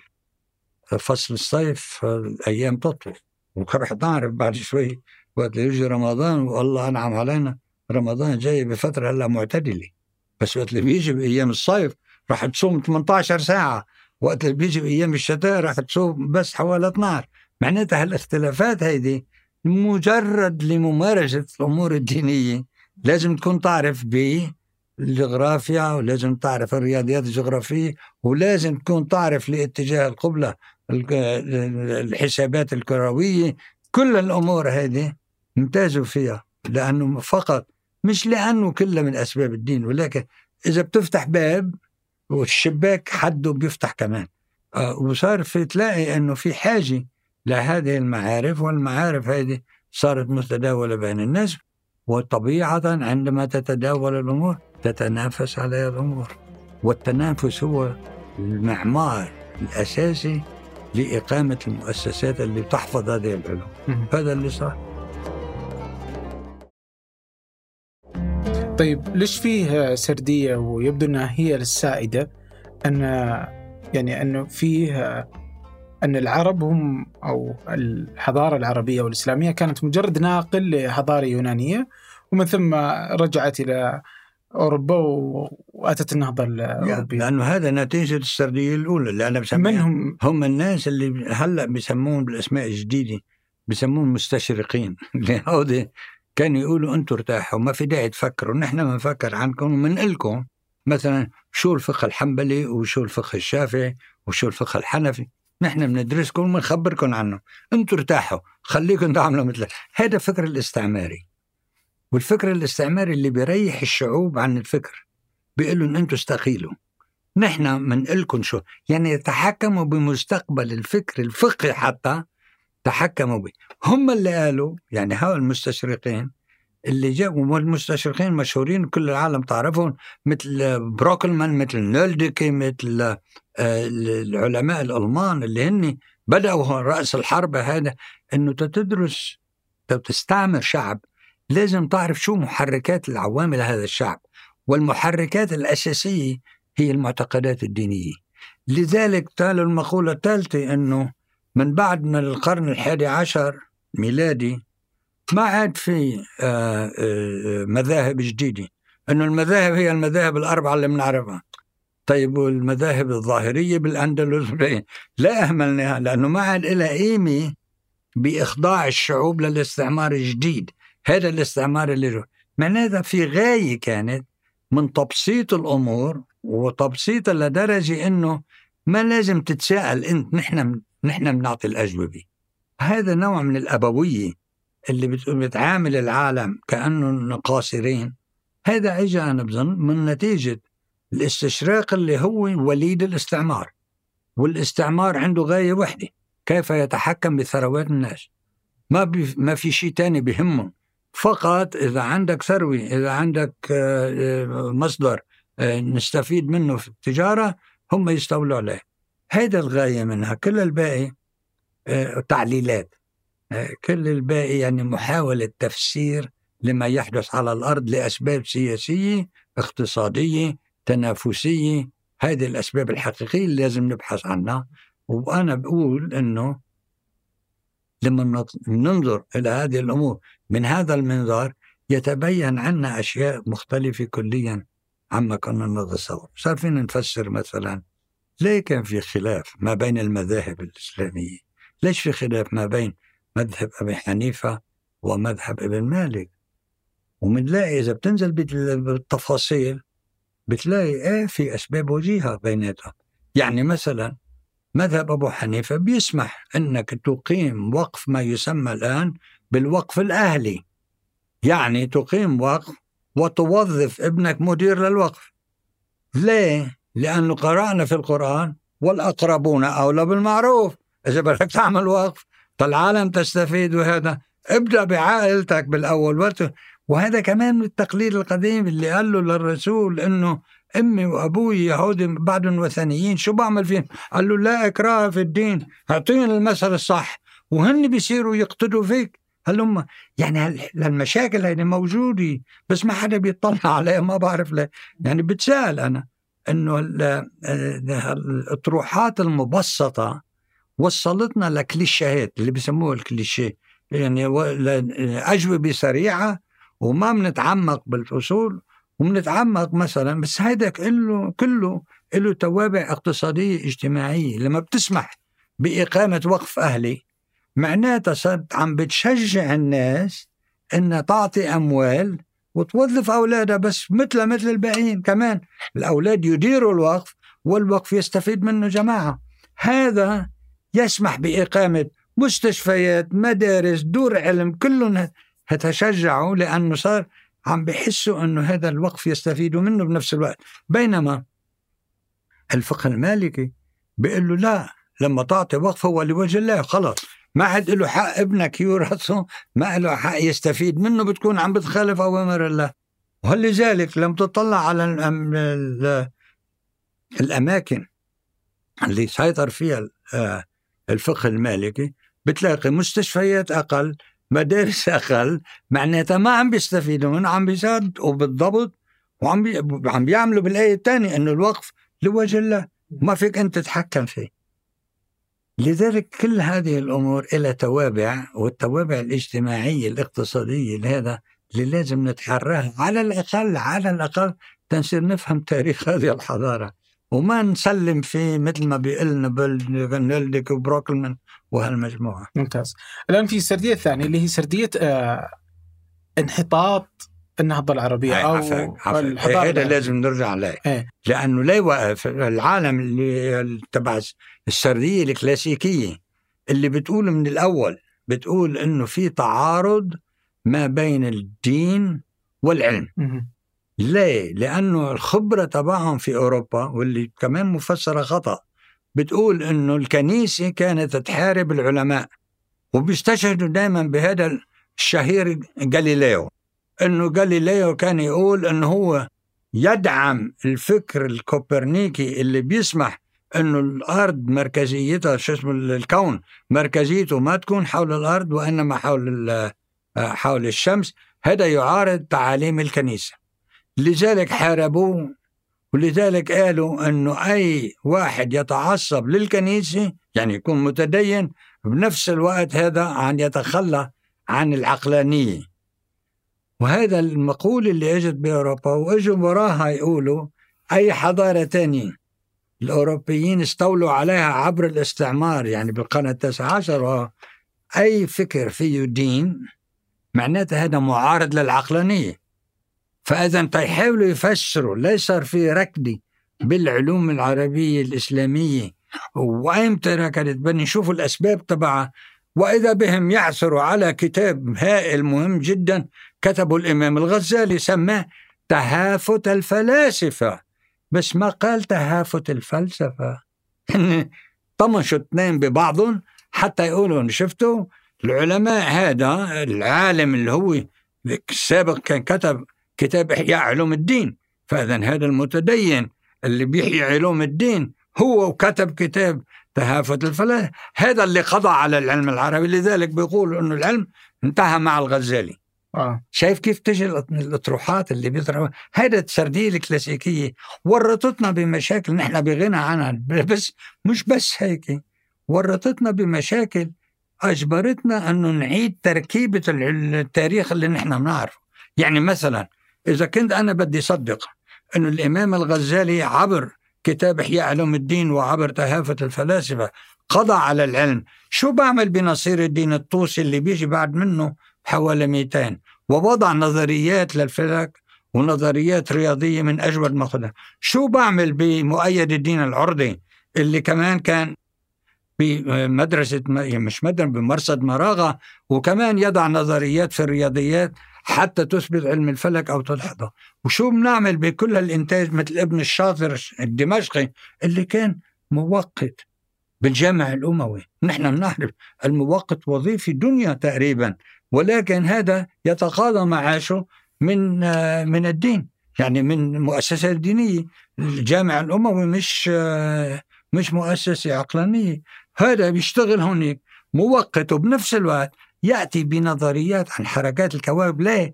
لأن الموقت لازم يعرف فريضته يعرف أي ساعة وقت الفجر أي ساعة إقامة صلاة العصر. كل الأمور هذه لازم يعرفها ولازم يهتدي فيها عبر الرياضيات المعقدة وإحنا علوم الفلك والأمور هذا كان بس لما صار يعرف هذا وصار الموقت الدمشقي يعرف إنه في تغيير هذا خطوط الطول والعرض والأمور هذه إلى تبعات صار ساعتها يجيد ويقول لما يطلع على الفلك اليوناني يقول هذا فيه هفوات. مش بس الحجاج صلح الأخطاء قبل منه ب 400 600 سنة ولكن هلأ في أخطاء لا يمكن أن تعقل. منها بيقول إنه بالفلك اليوناني إذا كنا بدنا نصدق الفلك اليوناني بيقول لنا أن وقت القمر عمره أسبوع فقط يعني نصف دائرة. نطلع على حسب الحسابات أو التصورات اليونانية لازم القمر يبدي لعينينا وكأنه ضعف وقت اللي بيكون بدر. ابن الشاطر بيقول ولم يرى كذلك. ما بحياتي شفت القمر. وهو ربع يعني الأسبوع الأول أو نصف الدائرة وتكون هذه الدائرة بهذا الحجم. فإذا يجب أن نعيد النظر بالفلك اليوناني كله. وهون ببلش ببناء الفلك الحديث واللي يستهوي فيه أكثر. الأطروحة اللي حتى هذا الموقت بالجامع الأموي بعد منه 200 سنة بيجي كوبرنيك وبيقول نفس الشيء. بيقول نحن لم نرى القمر إنه يكبر الآن فاذا لازم ناخذ النظرية اللي تسلمها ابن الشاطر أعطانا إياها وهذه النظرية أصبحت هي جزء من الفلك الكوبرنيكي وصار فيها هذه النقلة من العلوم العربية إلى العلوم وابن الشاطر آه، توفي بعد الغزالي بكم؟ ابن الشاطر توفي سنة 1375 الغزالي توفي 1111 يعني أربعة أربعة واحد. معناتها حوالي 300 سنة بعده. فهذا العبقري اللي قدر يقول إنه لم ترى كذلك وعلي أن أبتدع آه، آه، يعني هو الابتداع هون كيف تعمل نظريات مستقبلية. يعني تقول وين راح يكون القمر بعد كذا؟ لما بتعمل له تنظيم رياضي بتصير تقدر تتنبأ وين بده يكون. هذا ابن الشاطر اللي أجاب على هذه الأسئلة بتكوين فلك بديل للفلك اليوناني واللي استهوى آه، كوبرنيك بعد منه بحوالي آه، كوبرنيك توفي 1543 ابن الشاطر توفي 1375 قبل 200 سنة تقريبا. فأنت تقول أنه بعد آه، الغزالي ما انهارت الحضارة بالعكس إنتاج ابن الشاطر إنتاج ابن الشاطر برهان أساسي على أي فلك حدث قبل الغزالي. بس يمكن يكون هذا يتيم واحد في غير لا يا ما لما تفتح الباب حتلاقي دار. وراء الغزالي شو اسمه ابن الشاطر آه، ما ختم الطريق لأنه قبل ابن الشاطر. كان في نصير الدين الطوسي اللي كتب رسالة مهمة جدا سماها رسالة في علم الهيئة. يعني فصلوا الهيئة عن التنجيم. وهيدي حدثت بأوائل الفترة. الهيئة اللي الفلك. إيه آه. إنه الفلك اسمه الهيئة. م. على أساس إنه نحن مش مهتمين. كانه الكواكب تتحكم بنفوسنا أو لا. نحن مهتمين فقط بظاهرة الكواكب. هذا سموه علم الهيئة. هيئة الفلك.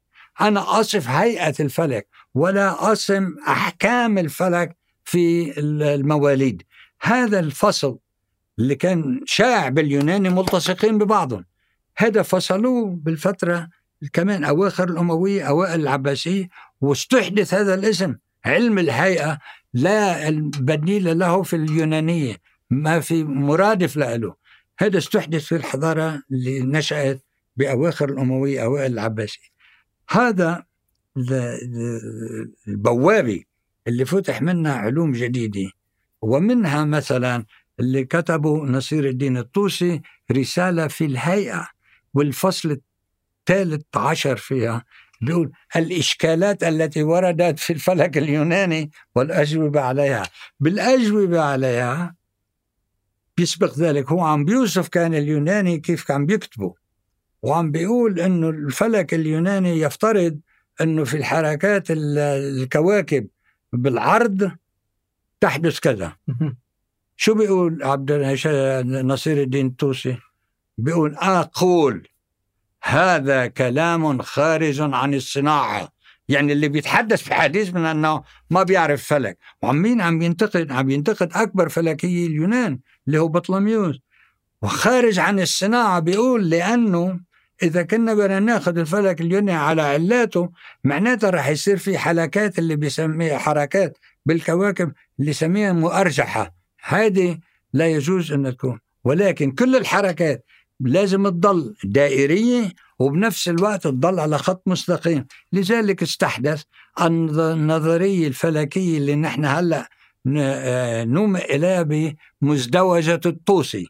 الطوسي قال إذا بتاخذ آه، دائرتين أو آه، فلكين واحد ضعف الثاني حجما وبتحط الصغرى تنتقل من اليمين إلى الشمال والكبرى تنتقل من الشمال إلى اليمين وتناسب السرعتين ينتج عنهم نقطة التلاقي على خط مستقيم هذا الخط المستقيم هذا الذي نطبقه بالميكانيك الآن لما تأخذ السيارة وتمشي. هذه السيارة تعمل على البيستون. هذا البيستون اللي هو يتحرك بشكل قائم وهذا يسمح بتواصل هذا تواصل هذه الحركة. بالحركة الدائرية توصل هذه الحركة بحركة الدواليب وهكذا السيارة تنتهي. كله يعتمد على هذه النظرية اللي اكتشفها نصير الدين الطوسي. وهذا أتى بعد الغزالي بحوالي 200 سنة. طيب شو بعمل فيه هذا؟ بقول إنه هذا جاهل لأنه إجا ورا الغزالي. الغزالي وبعدين هودي صار يجي تعليقات على الطوسي. يعني مثلا شرح آه، مذكرة تذكرة الطوسي. يجي شرح على الشرح آه، كمان اللي كتب عنه هو الجرجاني. آه، وكمان اللي آه، كتب إلى أن نصل إلى القرن السادس عشر. الفلكي الشهير اللي أنا أكن له كل احترام وكتبت كتاب مخصص له اللي سميته آه، معالم الأصالة والإبداع في الشروحات والنظريات الفلكية المتأخرة. وسميته بعد نقطتين أعمال فخر الدين نو أعمال شمس الدين الخفري اللي توفي سنة 1550 ميلادي واللي هو معاصر لكوبرنيك هذا لحل كل الأمور اللي كانت متوارثة من الفلك اليوناني والاعتراضات اللي جاء عليه ابن الهيثم والجوابات اللي جاب فيها نصير الدين.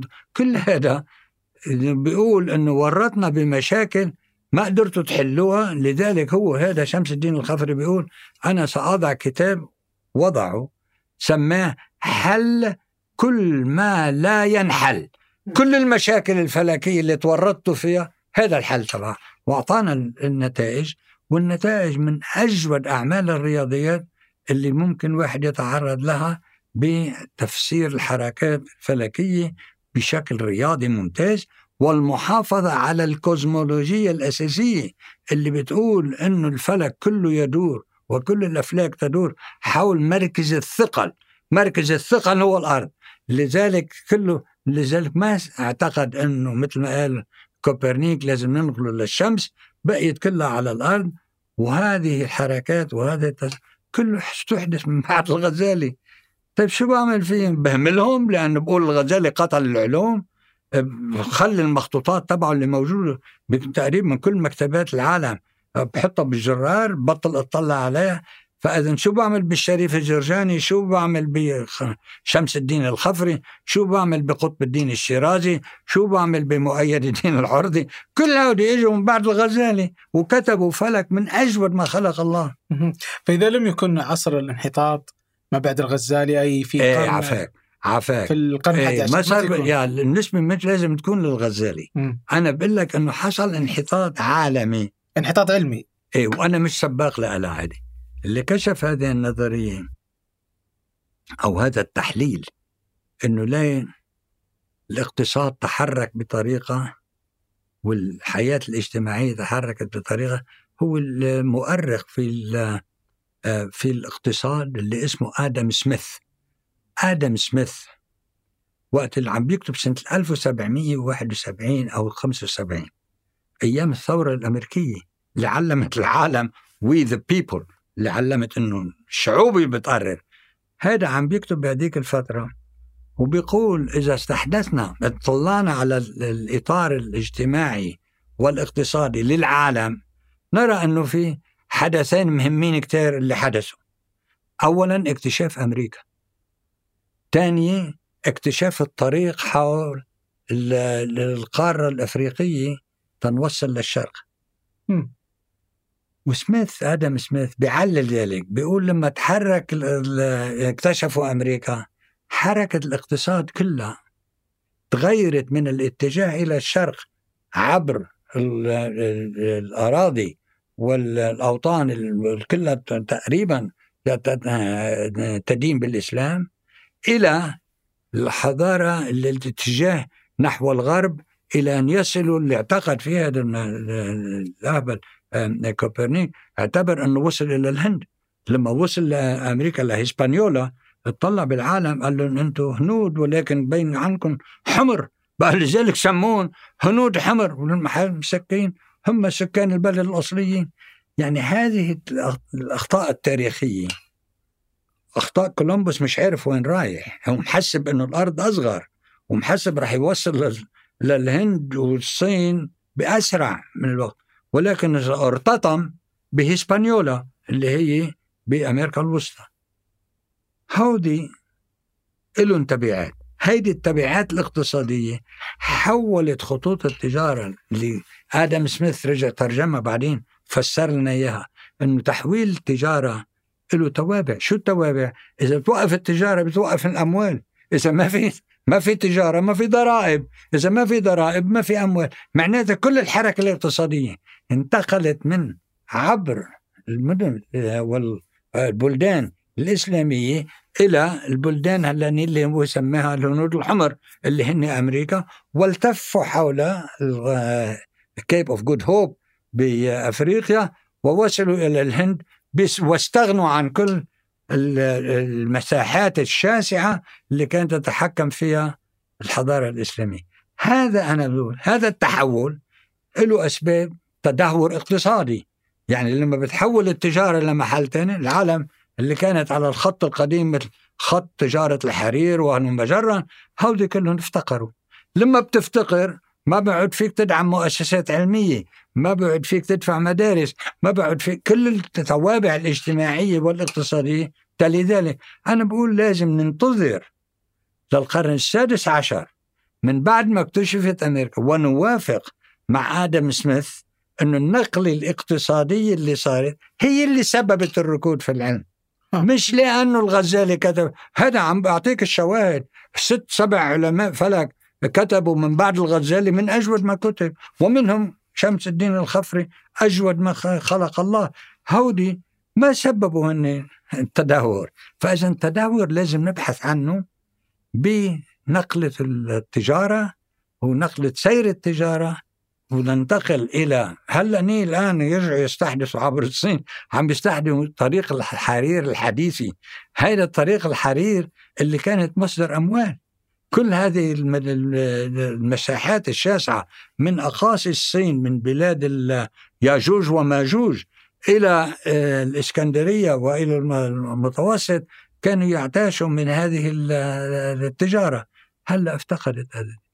أنا بقول لازم نفسر شو صار بالقرن الخامس عشر. مش شو صار بالغزالي شو صار بالقرن الخامس من تحركات اقتصادية اللي سببت ركود بأي مؤسسة. ولم تحدث بسبب الإسلام لأنه حدث نفس الظاهرة من بعد القرن الخامس عشر حدثت بشبه القارة الهندية. العلوم الهندية كانت منافسة للعلوم الإسلامية ولا العلوم الأوروبية بالقرن الخامس عشر. كمان العلوم الصينية الصين كمان كان عندهم علوم عريقة بس بالقرن الخامس عشر لما تحول كل الاقتصاد وتحولت التجارة بهذا الشكل كلهم صار في ما عندهم غزالي هود الله يرضى عليهم. يعني لازم حدا يوقف. ما بنلاقي غزالي عند الصين أو عند الهند حتى سبب الركود. فاذا هذا التفسير تبع نسبة إلى الغزالي هو تعصب أعمى لناس يعرفوا أنه بس علاقة العلم بالكنيسة عندما تتدهور يتدهور الباقي واللي جايبين هذا المقياس معهم من أوروبا ومن علاقة جاليليو بالكنيسة الكاثوليكية كل هذا هراء. لازم نرجع نطلع على الأمور الواقعية الأمور اللي بنعرف تاريخها اللي بنعرف عنها كيف صارت حركات التجارة كليتنا بنعرف ما بظن إنه في إنسان ما بيعرف إذا توقفت التجارة توقفت استدرار الأموال. وعندما تستدر الأموال تتوقف الأموال يتوقف الدعم الفكري أو الدعم الصناعي كل الأمور هذه هي اللي تسبب الانحدار. طيب وش أسباب نهضة أوروبا إذا؟ هذا الشيء الوحيد اللي عملوه بأوروبا واللي هو منتهى الذكاء. لما وصلوا لأمريكا واكتشفوا من السكان المحليين بهسبانيولا اكتشفوا أنه الرجال والنساء يتحلوا بالذهب. قالوا هذا الذهب؟ منين عم بتجيبوا؟ هن كانوا رايحين. هذا كريستوفر كولومبس كان رايح تجيب spices يعني تجيب بهارات. وهذه البهارات مفيدة لأوروبا لأنه اللحم إذا تركته يومين ثلاثة بدون البهارات يحترق لازم تحط قالوا له هيدي بنجيبها من النهر هون. دلوني على وهناك بدأت الأموال اللي استثمروها من الذهب اللي اكتشفوه في القارة الجديدة بأمريكا. وهذا الذهب ما اجى للبلدان الإسلامية رجع لأوروبا. أوروبا ما كبته وتتباهى فيه بسيارات جديدة. وما صارت تغني معامل السيارات وتصرف الأموال عليها وتهدره. استعملته لإنشاء مؤسسات علمية. لأول مرة بالتاريخ ينشأ مؤسسات اهتمامها فقط بحث العلمي. مثلا المؤسسة اللي صارت آه، اللي سموه باللاتيني هن آه، آه، أكاديمية ديلا كروسكا اللي هذه كمان بلشت وبعدين قبلها كمان إجت الأكاديمية تاني بإيطاليا اثنين هودي. بلشوا يقولوا إنه عندنا هالأموال عم تجي هلأ عبر الذهب والفضة اللي اكتشفناه. هالأموال هيدي ما بيجوز إنه نصرفها هراء. لازم على الأقل نستثمر فيها لننتج منها. وهذه الأكاديميات العلمية. كمان مش عجيب إن كلها تكونت بالممالك الأوروبية ما بين 1550 يعني بعد اكتشاف أوروبا ما كان في أكاديميات علمية قبل من 1550 لل 1600 هلأ بعدين صار كل بلد بأوروبا عنده أكاديمية الملكية لكذا الأكاديمية ومنها الأكاديمية الإنجليزية أهل الإنجليز كمان صاروا يدلوا بدلوا حتى الإخوان اللي هن بهولندا اللي بعثوا كمان آه، آه، آه، رحلات استكشافية لما نسميه اليوم زميلنا اللي جابنا من إندونيسيا الله يكون معه خير. هودي كمان استعمرتهم بالأول آه، هولندا. وهودي استثمروا هذه التجارة الجديدة وأغنوا فيها شمال أوروبا. هذا هو جزء التاريخ الحقيقي اللي لازم نعرفه إنه بدون دعم المؤسسات العلمية تموت آه لازم يضل في دعم مستمر وهذا الدعم ليؤمن بناء الجيل التالي لأنه إذا هلأ واحد منا توقف عن الأبحاث العلمية مين بده يورثنا؟ إذا ما ربينا نشء طالع جديد ونعلمهم كيف يطلعوا على تاريخهم معناتها بنكون نحن عم نساوي. عم نساهم بهذا الانحدار اللي بعده قاعد فالانحدار هو ما بعد القرن السادس عشر هو جزء من لا يتجزأ عن الحملة اللي حولت أوروبا من ما يسمى هذا كانوا يسموه Age of Reason يعني بالقرن 1500 ل 1650 كانوا يقولوا إنه هذا سيطرة العقل. لا لأنه بدنا ندحض الكنيسة ونسب عليها ونعمل كل ونشأت الحركات الدينية مثل لوثر الحركة البروتستانتية وكلهم هودي. على أساس حرب قائمة بأوروبا ونقتدي بالمثال اللي صار بأوروبا ونطبقه على باقي العالم. لا في عالم دي مثل ابن الشاطئ. كان يعيش مع المؤسسة الدينية بكل خير ما عنده مشكلة كان. كمان المؤسسات الثانية ابن النفيس كان بنفس الوقت آه، طبيب ويعلق على الطب وده وكمان بنفس الوقت يعلم بمدرسة فقهية. كل هذا معناتها لما بناخذ مقياس واحد وبنطبقه على أوروبا وأنا مش متأكد أنه يصح حتى بأوروبا لأنه بظن الحركات اللي صارت بقلب أوروبا ما لها علاقة كثير بموقف جاليليو من آه، آه، آه، فلك كوبرنيك. صار لها كمان علاقات اقتصادية صار لها تحولات اقتصادية. وفي البلدان اللي سابقت واكتشفت الذهب والفضة واستجلبته في منهم استفادوا منه بس في منهم مع إنه جابوا الذهب. إسبانيا هلأ تقريبا من أفقر البلدان الأوروبية مع إنه هي كانت البوابة لكل الذهب والفضة اللي اجى من أمريكا اللاتينية ومن المكسيك كانت تستعمل يسموها إسبانيا الجديدة. وش السبب برأيك؟ ليش إسبانيا هي اللي افقرهم رغم إنها كانت البوابة ل؟ هيدي بدها يعني بدأ ما بتنطح على أمور ما بعرفها. أوكي. التاريخ إسبانيا وعلاقتها بالدورة الاقتصادية اللي صارت فيها شيء مختلف عن اللي صار بالأكاديميات العلمية الباقية. يعني وكمان في دور ثالث لأشياء مهمة اللي آه، أنا يعني بوضع بدي أكتب كتاب عنه بعد إنه كمان تحويل العلم اللي حدث بأوروبا تحويل العلم من الغاية المعرفية إلى الغاية الاستثمارية. يعني صرت تعمل علوم مش لزيادة المعرفة بالعلوم. صرت تعمل علوم يستفيد منها السوق يستفيد منها الحركة التجارية. ولذلك بكل المؤسسات الحديثة من الأدوية من الطب من كل المؤسسات اللي اسمه المؤسسات الكبرى في عندهم آه، قسم كبير من هالمؤسسات بسموها development and research. شو يعني development and research يعني في عندك ناس تنصرف فقط لدراسة المستحدثات العلمية اللي بتطلع وتطبيقها على الثراء اللي بيجي عبر التداول التجاري. كل هذا هو اللي استحدث علم جديد لا الحضارة العربية كانت تعرفه ولا الحضارات الباقية. وأوروبا البلد الوحيد أو التجمع الوحيد اللي استثمر هذه الأمور واخترع شيء جديد لم يكن موجود بالعالم قبل. هو استحداث ما يسمى براءات الاختراعات براءة الاختراع. اي هودي البراءة الاختراع يعني you create patent شو هذا الباتنت؟ باتنت يعني تعمل تعطي لصاحب المعرفة اللي انت تعطيه حصريا استثمار هذه المعرفة أنه هو يحولها من معرفة لأجل المعرفة إلى استثمار هذا العلم للأسباب التجارية.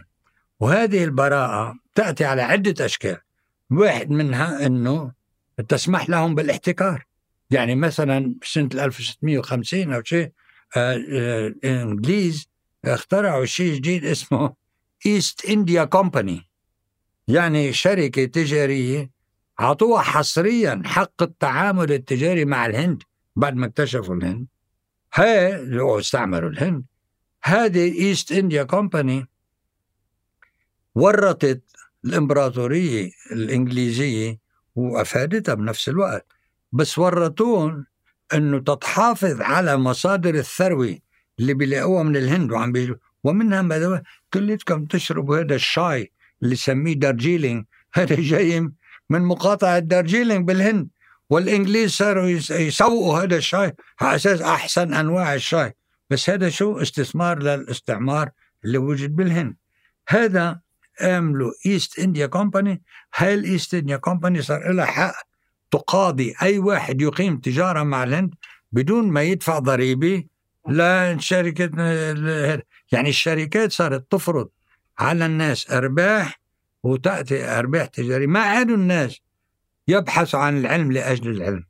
صاروا يبحثوا عن العلم لاستثماره في هذا وهل وهل تشوف آه هذه الحركة سواء من براءة الاختراع أو حق الانتفاع الحصري للشركات معينة أضاف وأفاد هل أثر إيجابي على الحضارة الغربية ولا كان سلبي؟ لأن فيها في وما فيها. في الإسلام يعني فيها تحفيز يعني بتعطي أي واحد آه، تحفيز إنه إذا. بتحدث أشياء جديدة أو بتلاقي مفك براغي جديد آه، بتستفيد منه. إيه هذا يشجع العالم ان يخلق أشياء. ولكن عندما تصل إلى أنك تحرم بقية الإنسانية منه وبقية المجتمع منه بصير شر. مم. وبعرف إنه نحن كمان لازم نهتدي بال- بالتاريخ والتاريخ بيقلنا إنه في الحديث الرسولي ل- عليه الصلاة والسلام بيقلنا من علم علما وضن به على أخيه المؤمن جاء يوم القيامة ملجما بلجام من نار شو معناها؟ معناها إذا أنت بتعرف شيء وما استفادت منه الأمة وما استفادت منه الجماعة واحتكرته فقط أنت وفي عندنا المقولة الثانية الاحتقار من احتكر كفر. كمان بنعرف معناتها في عندنا قيم أخلاقية بعدنا متمسكين بها ما طلعنا من فوقها وبينما الحضارة الأوروبية تفوقت عليها وصارت هاي الكنائس عباس لأنه ليك البروتستانت بيسبوا الكاثوليك كاثوليك بيسبوا بعضهم والباقي بيسبون ومعناتها كل هذه القيم الكنسية والقيم الدينية لازم نتخطاها ونفز من فوقها تنوصل على المكاسب المادية. لما تحول التفكير الإنساني والحياة الإنسانية إلى مكاسب آه، آه، ميدانية مكاسب, تجارية تحول كل دور العلم وكل دور ال- لازم نبحث عن المعرفة وشو قيمة المعرفة إذا ما فينا نسوقها ونبيعها. بالسوق صار؟ السوق يتحكم بالعلم. لذلك أنه أنا بعرف عندي زميل بكولومبيا بكلية ال- الحقوق. إذا كتب كتاب اسمه gridlock economy شو بيقصد فيها؟ بيقصد إنه في شركات أدوية عندهم دواء لمعالجة Alzheimer's أو معالجة السرطان.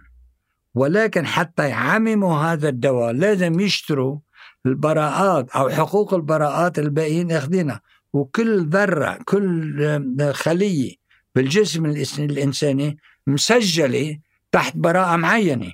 يعني تيقول حتى يمسوا هذا الدواء يقدروا يبيعوا بل يدفعوا آلاف وآلاف من الدولارات حتى يصير لهم حق يجربوا هذا الدواء.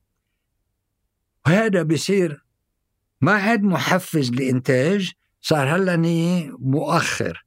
صارت أنت ما عاد بيترك الدواء بيقول إنه الدواء بعده لا يزال على الرفوف ما حدا بيستعمله. ليه؟ لأنه الاقتصاد وصل ل gridlock شو gridlock؟ يعني إذا بتكتر هالادنيه من التحكم بالبراءات ما بيعود في إنتاج بتصير النتيجه عكسية. وأنا بقول إنه معه حق كليا. لازم نفكر بكل هذه الأمور ونتروى قبل ما نقول يلا بنعطي جوائز للي بيعمل بلاقي حلول إيه منيحة بتحفزوا والعالم ده. ولكن لازم أن تضبط. هذه الأمور ما تكون تترك على علاتها. لازم تكون تستفيد منها المجتمع اللي علم ودرس وصرف أموال لهذا العالم. تروح على المدرسة تروح على الوقفية تروح يشتري الكتب تأهله يقدروا يعيشوه. كل هذه مصاريف ما حدا بيحسبها. بيحسبوا بالآخر وين اجى جاني الارباح. آه هذه آه بس ما تعتقد اليوم إنه آه، الشركات اللي تصرف على الأبحاث والتطوير المليارات لغرض يعني واضح إن غرضهم ليس المعرفة بحد ذاته وإنما غرضهم بيع منتجات للسوق. إنه ساهم في ازدهار الحضارة الغربية والعلم عند الغرب ما في شك أي. أي محل تصرف فيه أموال لتشجيع مؤسسات وتشجيع الانتاج يأتي بأرباح. وهذه الأرباح أنا ما بظن أنه لازم نستهزئ بها. ولكن يجب هذه الأرباح أن لا تتحكم بمصير شعوب. يعني أمم بأسرها تصير مستعمرة فقط لأنه بيطلع فيها شاي دارجيلينج منطقة دارجيلينج صارت بس حتى تطلع شاي لأهل الإنجليز. يعني هل وضع الأمور بإطار الإنساني والأخلاقية الإنسانية اللي لازم تتحكم بهذه الأمور آه، مهم جدا. مع أنه آه إذا كان عم نطلع على رأس مال ينصب ويطلب فقط زيادة المال إذا كانت الغاية فقط زيادة المال معناتها بنهمل أولادنا. ما بنعود ودين على المدرسة. ما يعودوا يعرفوا شو هيدا قواعد سيبويه ما يعودوا يعرفوا هذا الفقه الحنفي. من لأنه شو عم نستفيد منه؟ والطلاب هيك عم بيقولوا لنا أنه أهلهم عم بيقولوا لهم روح عمول مهندس. أو عمول حكيم حتى تجني من الربح. معناتها صرنا نوجه طلابنا حتى ما يروحوا للحقيقة كما هي حتى زيادة المعرفة لأجل زيادة المعرفة هو عم بيتوجهوا هلأني إلى زيادة الكسب. فلذلك بتلاقي في دفق عام آه، على كليات الهندسة وكليات الطب لدرجة صعب تودي ابنك على كلية طب هلأ. بدك يمكن برضه الحدث توصلها. ليه؟ لأنه كليتنا ننتظر منها الربح بالآخر. وأنه معاش الطبيب آه، يكفي أكثر. من المهتم مثلا بكأنه الوقف الأهلي أنفع من الوقف العام أو لا أو هذه الأمور اللي فيها درس للأخلاقيات. أنه كيف الإنسان لازم يتعامل مع نعم الرب. لما الرب بيسمح لك تاخذ من ثروتك قسم من هذه الثروة وتحطه لخدمة العام وبنفس الوقت تسمح لعائلتك أنها تستفيد منه. صار هذا الوقف له معاني وهذه المعاني هي الحركة الاقتصادية. هاي الحركة الاقتصادية هي تشجع هاي أو تهمل لذا. كل هذه الأمور معقدة لدرجة أنه لا يجب أن نستخف بها ونقول أنه على بركة الله الله يبعث. هذا إيه منيح ما هو الله رح يبعث. بس طلب منك إنك تقوم للصلاة على الأقل إنك تعمل واجباتك. صح. قبل ما تقوم طيب آه ودي أعرف الحين أثر الاستعمار على الحضارة العربية والإسلامية أو على على المعرفة وازدهارها في في المنطقة العربية والمنطقة الأثر الواضح اللي تحدثت عنه قبل شوية هو الاستعمار قال للمستعمرين أنتم استقيلوا استريحوا ونحن بنتفكر عنكم.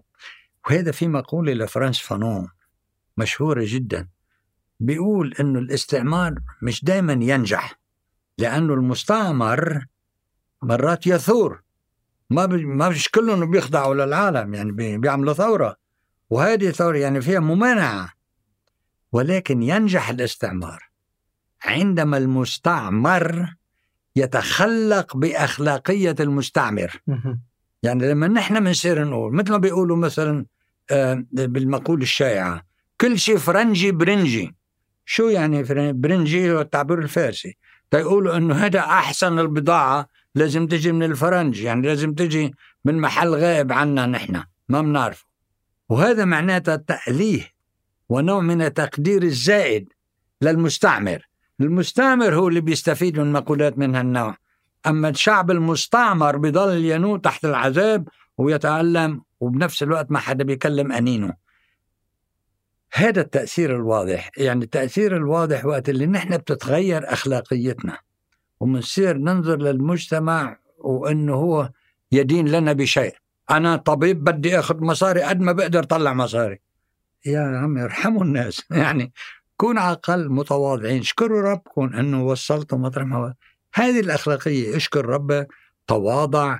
كل هذه الأمور اللي هي أخلاقية بتاخذها من التربية البيتية بتاخذها من التربية الدينية اللي أنت بتؤمن فيها بغض النظر عن أي دين ولكن لما بتتخطى هالأمور وبتصير استغلال الإنسان الثاني بغض النظر كأنه شرقي أو غربي أو شو ما كان لما تبلش باستغلال الناس وتستعمل الناس كهم آه، آلية تطلع فيها تزيد فيها الأموال اللي أنا بسميها الرأسمالية المتكالبة لما توصل على هذا المستوى ما عاد في إنسانية. يعني بنكون خسرنا الجزء الإنساني المهم بالمجتمعات. طيب ال- ال- اليوم لم تعد في أي دولة عربية مستعمرة ما عدا يعني واحدة. آه ومع ذلك لا يزال معظم الدول أنا شايف إنك عم تتدخل بالسياسي.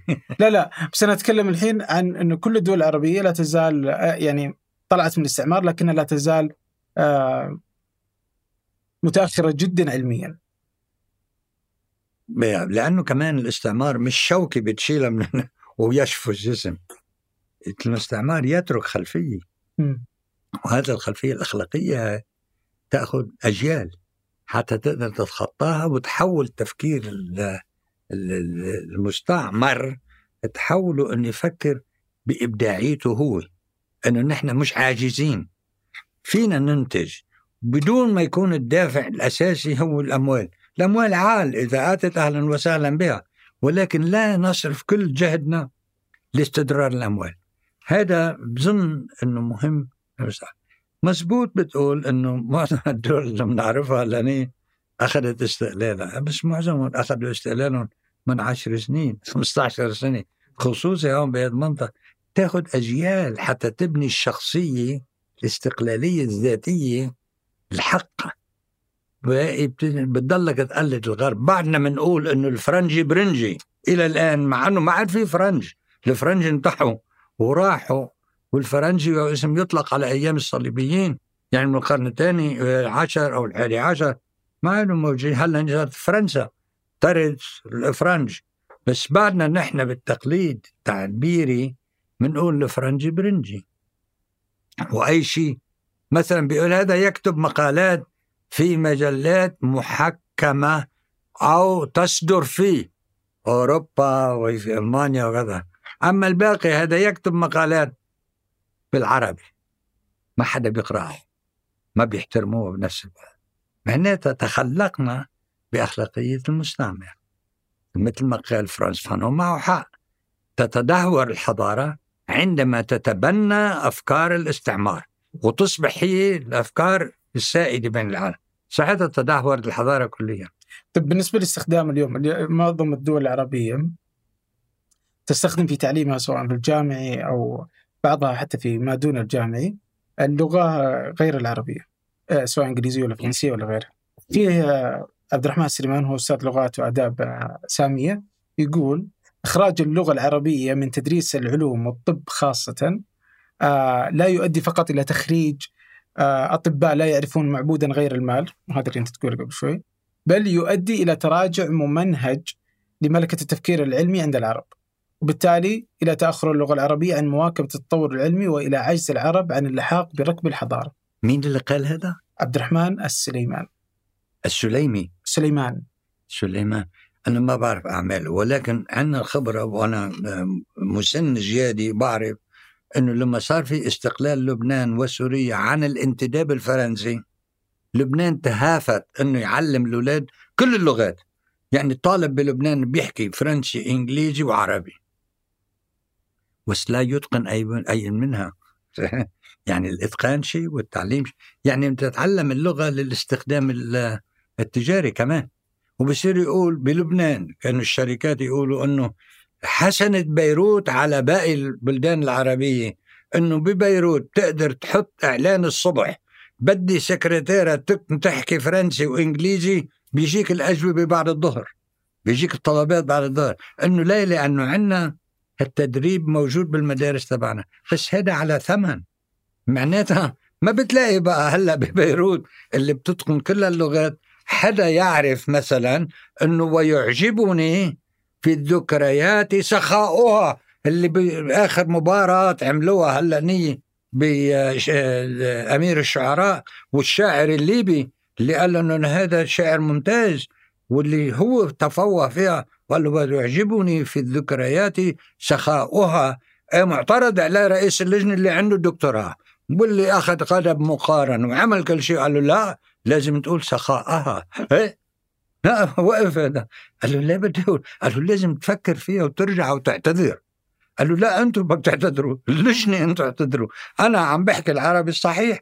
معه حق لما ما بيقعد عندك ملكة اللغة تتعرف كأنه سخاؤها أو سخاءها وبتصير بس تنبهر بالشهادات من هون ومشاهدات من هناك. ومعظمها لازم تكون جامعات أجنبية. إذا أخذتها من جامعة عربية معناتها أقل احترام. معناتها هيدي أثر الاستعمار. هذا هو التدهور المستمر. هذا هو الانقراض اللي نحن عم نعيشه هلأ ويستمر بهذا الشكل إلى أن نستعيد يوما ما إن شاء الله الثقة بالنفس أنه نحن يمكن أن نبدع.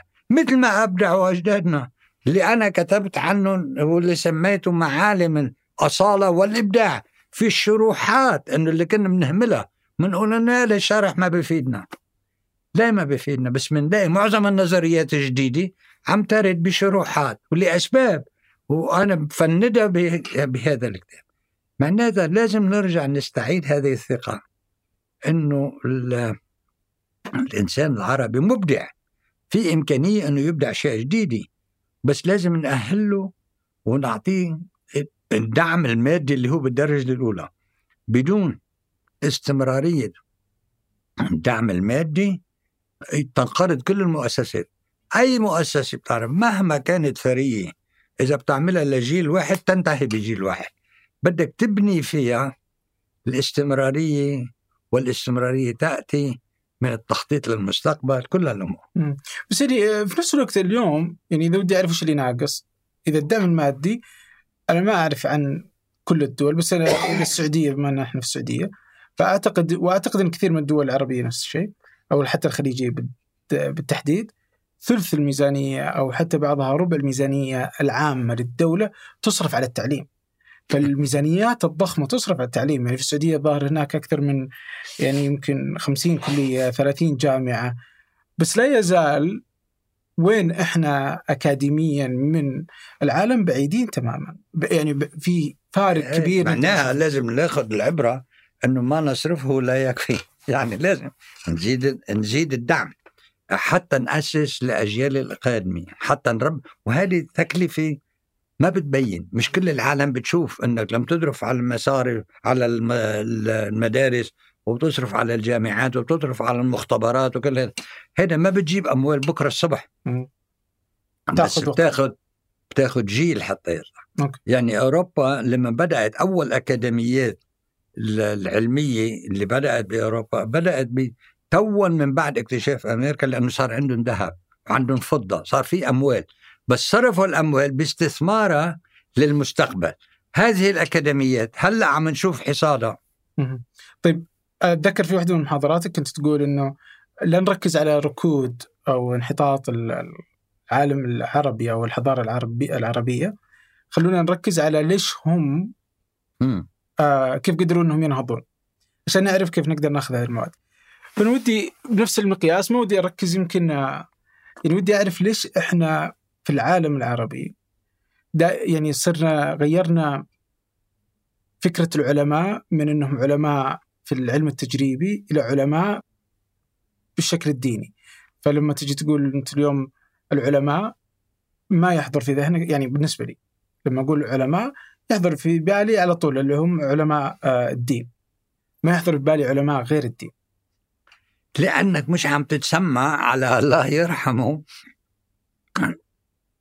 الإمام ابن تيمية اللي كتب كتاب من أهم الكتب اللي أنا بظنه. ما منغمض على أنه ابن تيمية حنبلي من الدرجة الأولى وهو أستاذ بالفقه وكل ما ولكن كتب كتاب شهير جدا بس مش, كل العالم تعرفه. كتب كتاب سماه درء التعارض بين العقل والنقل إنه لازم نطلع على الرسائل السماوية اللي وصلتنا عبر الأنبياء وعبر المعلمين. هذه الرسائل تفترض وتتطلب منا أن يكون عندنا عقل لنفهم مغزاها. إذا ما استخدمنا هذا العقل هل الفصل اللي عم تحكي عنه في علماء دين وعلماء تجريبيين وهذا ابن تيمية بيقول لا يا جماعة لازم هذا العقل الإنساني إذا ما شغلناه بنكون عم نخسر أهم عطية أعطانا إياها الله. هو هذا الفرق ما بين أو التمييز ما بين علماء الدين والعلماء التجريبيين شو ما سميتهم أو الفلاسفة من كل هذا كانوا بعده لا يزال من الإرث الموديل الأوروبي. يعني النموذج الأوروبي اللي قال إنه ما دام انتشرت الكنيسة مات جاليليو. طلع جاليليو ماتت الكنيسة. هذا التناقض هذا غير آه، دقيق. وأنا بقول لأنه جاليليو العالم لازم تعرف إنه جاليليو معظم علوم استقاها من مؤسسات الجزويت يعني من الكنيسة. هو اللي ابتدع الأشياء الثانية اللي زاد عليها ولكن تدرب على هذه. لذلك ما لازم نعول كثير على هذه الفروق مثل ما قالنا ابن تيمية أنه لازم نبعد هذا التناقض مش موجود لأنه العقل الإنساني يحمل كل هذه الأمور والرب أعطانا إياه لازم نستعمله. فهل في فرق بين تعريف العلم عند العرب وعند المسلمين عن تعريف العلم عند الغرب؟